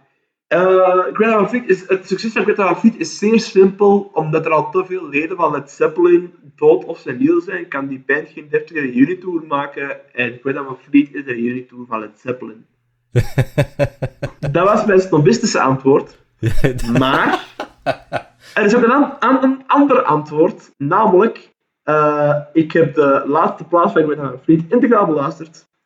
Uh, ik vond dat mijn plicht om te weten wat we hebben afgewezen als fenomeen. En ik vind de openingstrack van de plaat briljant. In Head Above, dat vind ik een ongelooflijk goed nummer. Maar ik ben ook wel vrij gevoelig aan euforie en opbouwende akkoorden en, en zo aanzwellende muziek. En daar ben ik wel gevoelig aan. Ja. Wat dat verklaart waarom, dat, waarom dat de killers en editors minder op mijn zenuwen werken dan op die van sommige van mijn collega's. Wat ik me ook kan, allee, om, om daar nog een klein beetje aan dingen aan toe te, toe te voegen, ik kan ook wel begrijpen dat heel veel mensen moeite hebben met bijvoorbeeld de stem van, uh, van de frontman van Greta Van Fleet. Gewoon die uithalen zoveel. Het is... Het komt steeds terug. Um, en ja, hij kan, hij kan die noten halen, hè, maar... Ja, maar... Ik denk dan van... Goh, en dan heb je mensen die zeggen van, ah ja, maar bands mogen zich kleden zoals ze zich willen en ze mogen zingen zoals ze willen en, iedereen mag zijn eigen muziek maken. Oké, maar dan nog denk ik van, ja, als je je kleedt zoals bij zo'n fiets zich kleedt, als je zingt zoals die zanger zingt, als je drumt zoals die gast drumt, als, als je gitaren klinken zoals Led Zepp klinkt, en, en, en, en, en, en je, je bekijkt het allemaal, en je luistert in de kleren die je draagt, naar uw eerste plaats. En je weet dat het Zeppelin bestaat, want elke gitaarband weet dat het Zeppelin bestaat, want we daar niet flauw over doen. Dat is een van de basiskleuren waarop, alle gitaarbands uh, zijn gemengd. Ja, ik kan er dan met mijn verstand niet bij dat je niet eens indringend naar je medebandleden kijkt en zegt van boys, gaan we dit geheel aan muzikale gelijkenissen en, en, gaan, we, gaan we deze uit de hand gelopen hommage aan het Zeppelin, gaan we dat echt doen? En dan vraag ik me ook af van, is er niet... Ja, want nu is er een tweede plaats. En ze hebben dus de kans gehad om uh, iets met die sound te doen. Ja. Maar nog altijd klinkt die tweede plaat. Ik vind, als uw eerste plaat heel hard klinkt als een bepaalde band, dan moet je een hommage noemen. Als die tweede plaat exact zo klinkt, dan is het een businessmodel. Ja. En met alle respect, ik wil zo graag geloven dat die boys het allemaal goed bedoelen, maar het voelt te veel aan als een businessmodel. En misschien heeft dat meer te maken met de show er rond dan met de band zelf. En misschien heb ik ongelijk en misschien gaan die ons allemaal nog verbazen. En, en ik weet van Vliet is een gitaarband van, van dat formaat, dat zo lang dat ik bij Studio Brussel werk, dat ik elke nieuwe plaat wel zal checken, of toch tenminste de singles.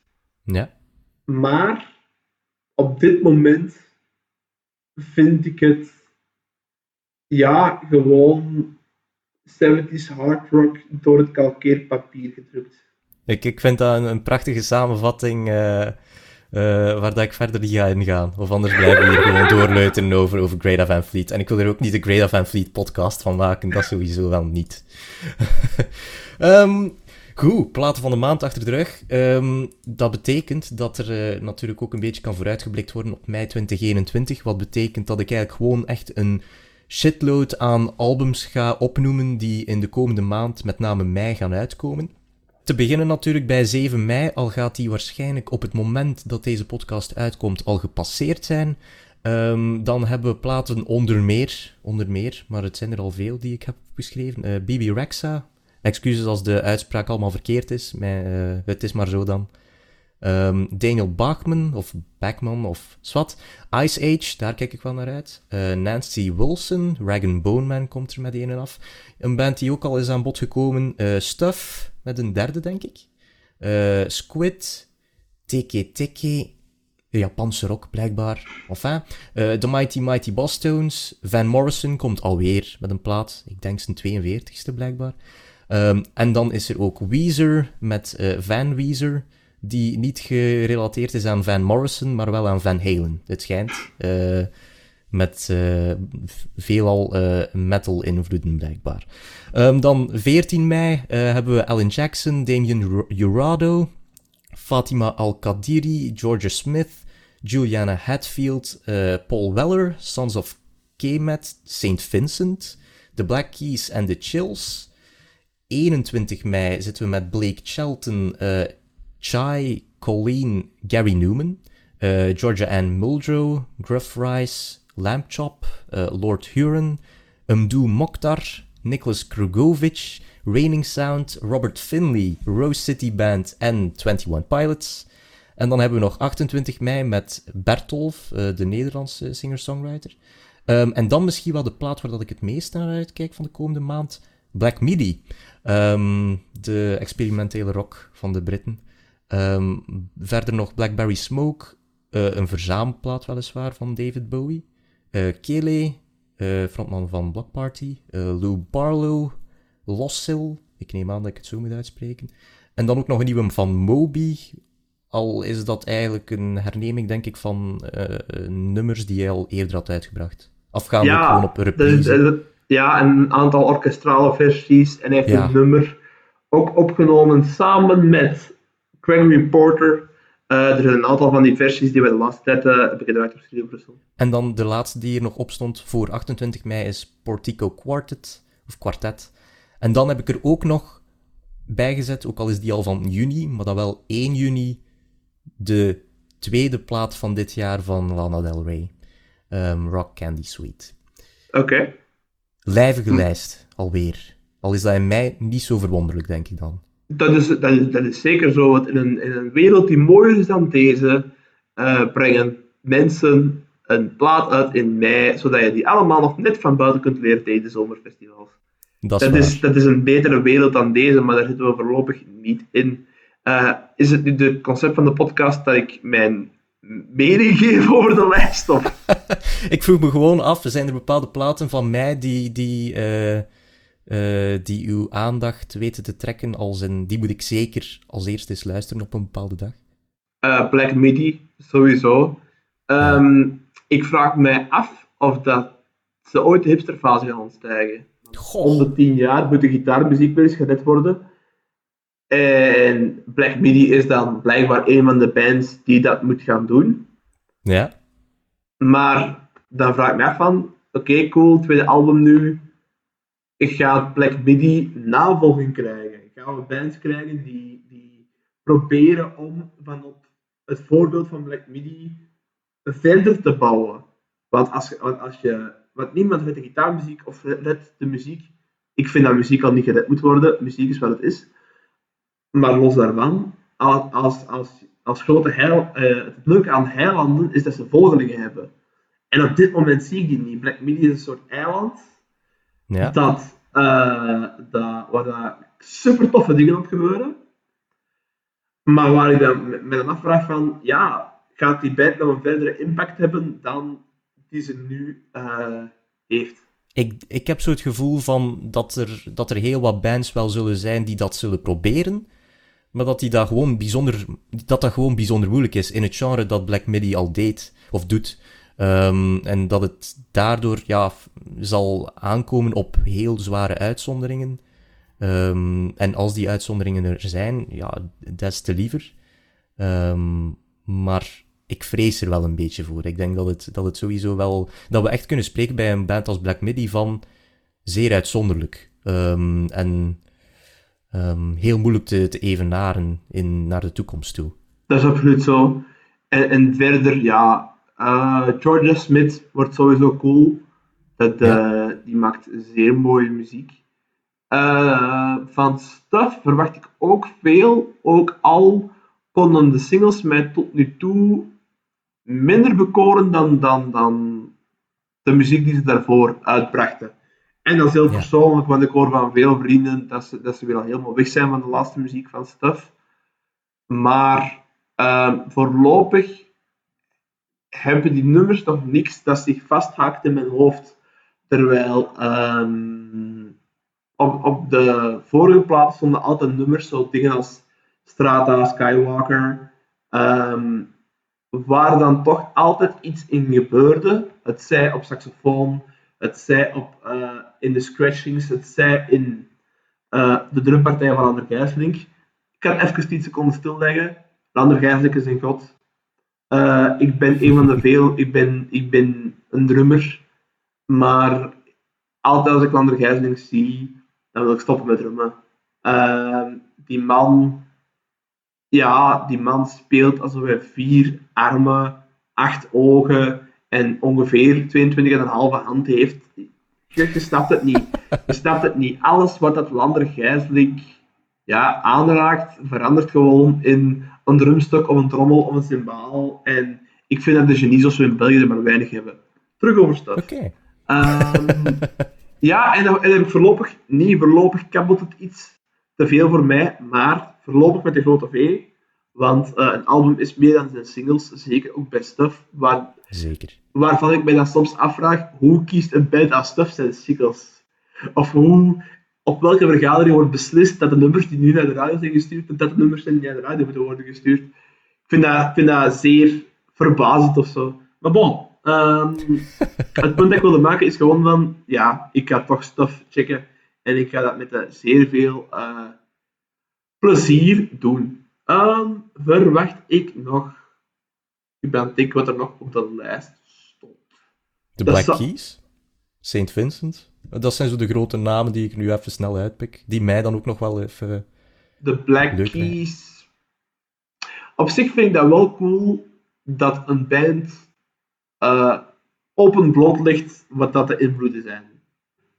Iedereen die een nummer van de Black Keys hoort, weet, ja, hier heeft iemand met zijn vinger in de bluespap gezeten.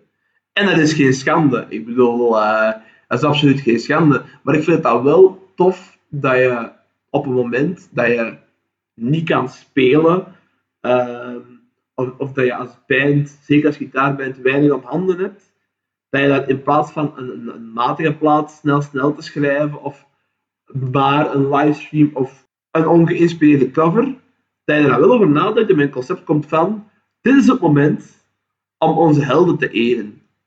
De Black Keys gaan nooit het hoofdpodium van weg te vullen met 12 bluescovers.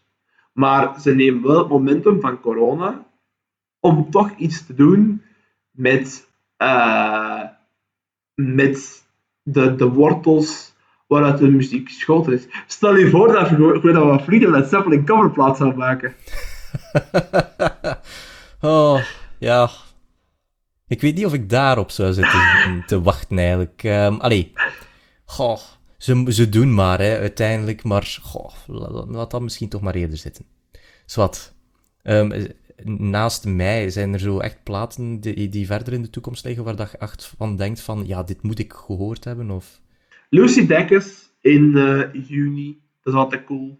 Ehm, dat is een goede vriendin van Phoebe Bridgers, die ook eh, heel schone indie met af en toe een eh, goede kapotte rafelrand eh, maakt. En daar, eh, ja, die heeft mij dat nooit teleurgesteld. En ik, ben, en ik denk niet dat ze dat eh, gaat doen. Dan is er in juli uiteraard nieuwe Billie Eilish. De kans dat zij zich terug in de eindejaarslijst gaat werken lijkt me zeer groot. Little Sims, ehm, ja, de nieuwe single, de Introvert, die staat eh, bij zowat iedereen die voor Studio Brussel werd de afgelopen weken op eh, Endless Repeat. Eh, ik vind dat, bij mij duurde het even voordat hem binnenkwam, maar zo de combinatie van de bombast in de intro, dus het heeft een soort James Bond-achtige intro met strijkers en blazers en toeters en bellen en, startkabels en al wat dat je wilt.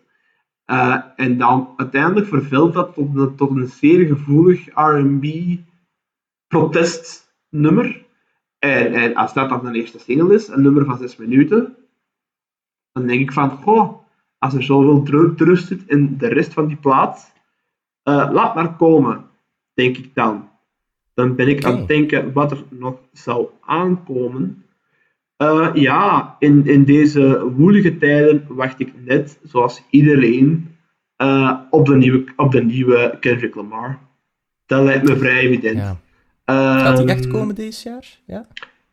Goh, ik, ik, ik, weet niet zeker dit jaar, maar er wordt ja, om de drie weken is er wel iemand die, die Kendrick op een videoclip set heeft gezien, of een of andere rapper of producer die al lang met die al vaak met Kendrick heeft gerate en dan zo een Instagram story post en die dan toch weer verwijderd en, en de geruchtenmolen uh, ja, draait al heel heel lang. En, en, ik hoop het wel. Ik, ik, hoop het wel. Omdat dat zou nog eens een eventalbum zijn. Dat zou, dat zou eens een album zijn dat wereldwijd wordt opgepikt. Dat genre overschrijdend wordt opgepikt. Ik ben zeker niet de grootste hip-hop van Studio Brussel, maar ik kan niet wachten tot die plaat er is. Als, je, als, als, als ik nu op Instagram een bericht zie, die plaat is er, dan blijf ik op tot middernacht en luister ik drie keer. Hands down. En, en Kendrick Lamar is een van de weinige iconen, de combinatie van de cijfermatige impact en ook de impact op het debat. En, en, en, en die nummers maakt die, die, waarvan je na twee beluisteringen voelt, die zijn voor generaties. Ja, en dat zijn nummers die, waar dat je heel vaak heel lang over kunt gaan palaveren met vrienden, denk ik dan. Exact, heel veel... exact, exact, exact. Uh, bijvoorbeeld, als je mij nu vraagt, um, welke nummers van de laatste jaren zijn binnen 20, staan binnen 20 jaar in de tijdloze 100 van Stubru. Ja, uh, King Kunta, Alright, Humble, noem ze maar op. Terwijl dat ik die kans voor iemand als Drake of voor Travis Scott veel kleiner zie. Maar dus ja, en, en ook wat ik daar straks zei over groepsbeleving en muziek. Ja, ik denk dat we dat nodig hebben zo een, een, paar platen, wat dan haalde Rij ook voor een stuk toe, een paar platen waar dat we eens goed over kunnen palaveren. Zo platen waar ineens iedereen mee bezig is. Uh, wat dat tegen Swift met Bolivar vorig jaar voor een stuk was. Zo, uh, platen, uh, de dag dat die uitkomen, dat je stuurt naar je vrienden. Ehm, wat vind jij ervan? Ehm, wat vind jij ervan? Ah, vind je de single niet wat raar? Is een slottrack, dit, dat? En zo, ja, ik, ik, ik mis voorlopig dit jaar op Lana Ray en voor een stuk Brockhampton na, mis ik platen met talk value. Platen die niet die belangrijker en groter zijn dan de fanbase van de band die ze heeft gemaakt. Ik hoop met u mee dat dat uh, in de komende, wat zijn het nog, zeven maanden nog aan bod gaat komen deze jaar.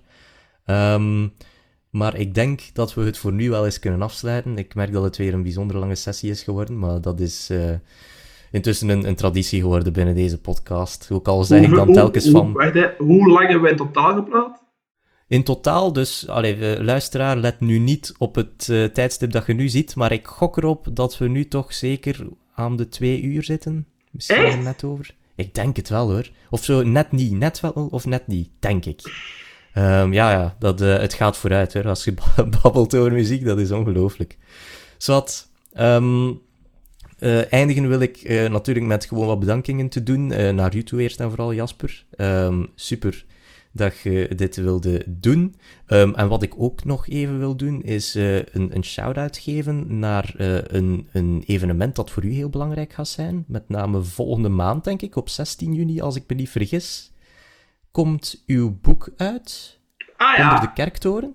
Ja, maar ik dacht dat het 16 juni was, maar... Het is, het is voorlopig 15 juni, maar dat zou ah. een beetje afhangen van half juni, laten we het op half juni houden. Maar inderdaad, uh, het komt uit. Het heeft wel niks met muziek te maken, dus je, verrast, me, je verrast me een beetje met de shout-out.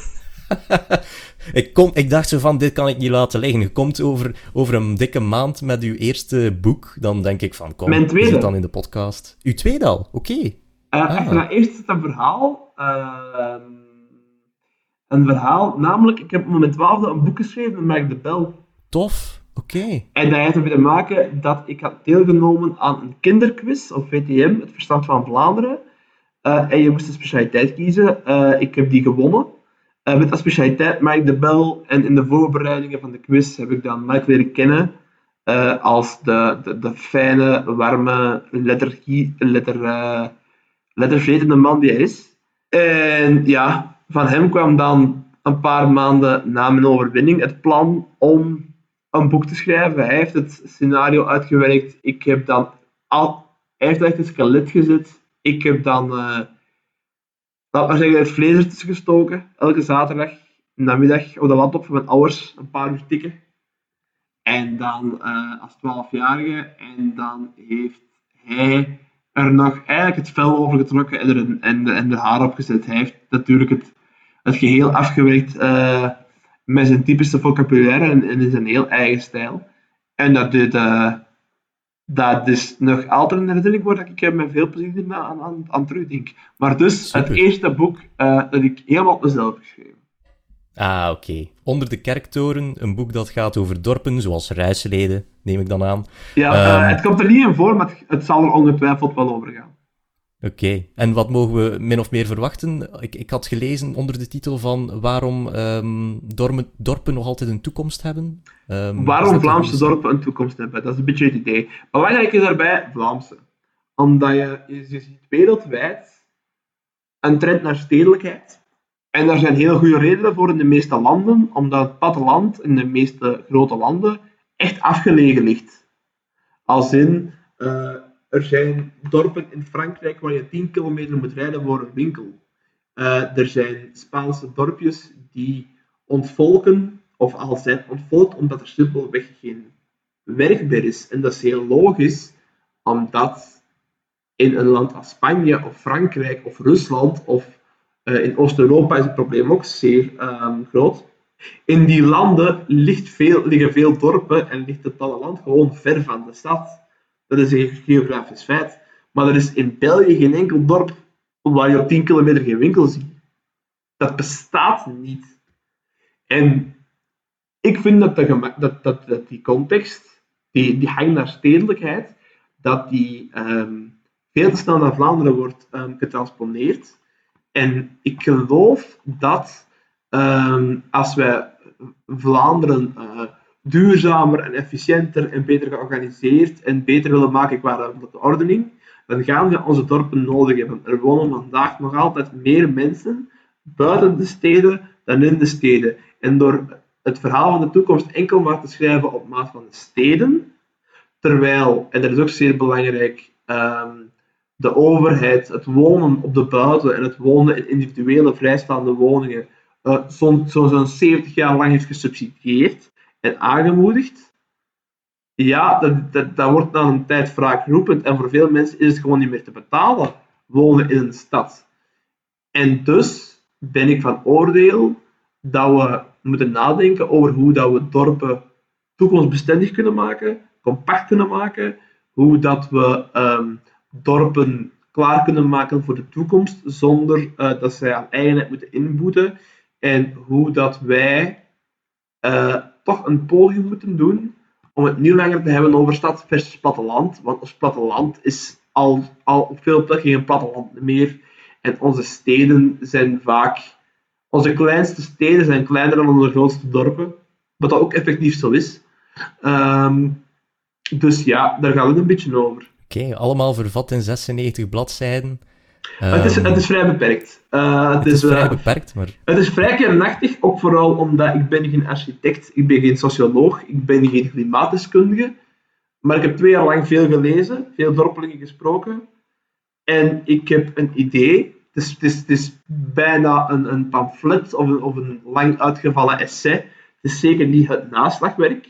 Maar ik hoop dat er een discussie ontstaat. Ik hoop oprecht dat ik uh, de volgende maanden, als corona toelaat, veel dorpelingen mag ontmoeten. Dat uh, veel mensen mij gelijk geven, dat nog veel meer mensen mij tegenspreken. Maar dat we het wel een keer gaan hebben over dorpen in Vlaanderen. Okay. En, ik, en ik hoop dat er uh, nog veel boeken en artikels en, en, en, en ideeën en interviews volgen van mensen die er misschien nog veel meer van weten of nog veel betere ideeën over hebben dan ik. Maar het is, ja, het is een aftrap. Het is een inworp. Ik gooi de bal in het speelveld. En uh, het is uh, aan andere mensen om hem in de winkelhaak te mikken. Ik, uh, ik kijk er al enorm naar uit. Ik ga hem zeker lezen. En ik hoop voor u dat hetgeen wat je daarnet hebt gezegd, dat dat allemaal zeer mooi mag uitkomen vanaf midden juni. Um, dus ja, merci voor, voor de podcast, voor te gast te zijn hierin. Um, voorts Um, wil ik nog snel zeggen van dat er een Facebookpagina is van Onder Vier Oren, waar dat er quasi niks op gebeurt. Maar goed, daar ga ik toch iets proberen aan te doen. Uh, met wat fragmentjes en dergelijke erop te smijten. Uh, en voorts, ja, moet ik gewoon zeggen van... Uh, Onder Vier Oren is praktisch op uh, elk podcastplatform wel te vinden, denk ik zo. Dus ja, luisteraar, bedankt om het weer uit te houden de afgelopen, ik weet niet hoeveel uur. En uh, wie weet, tot volgende maand. Salutjes.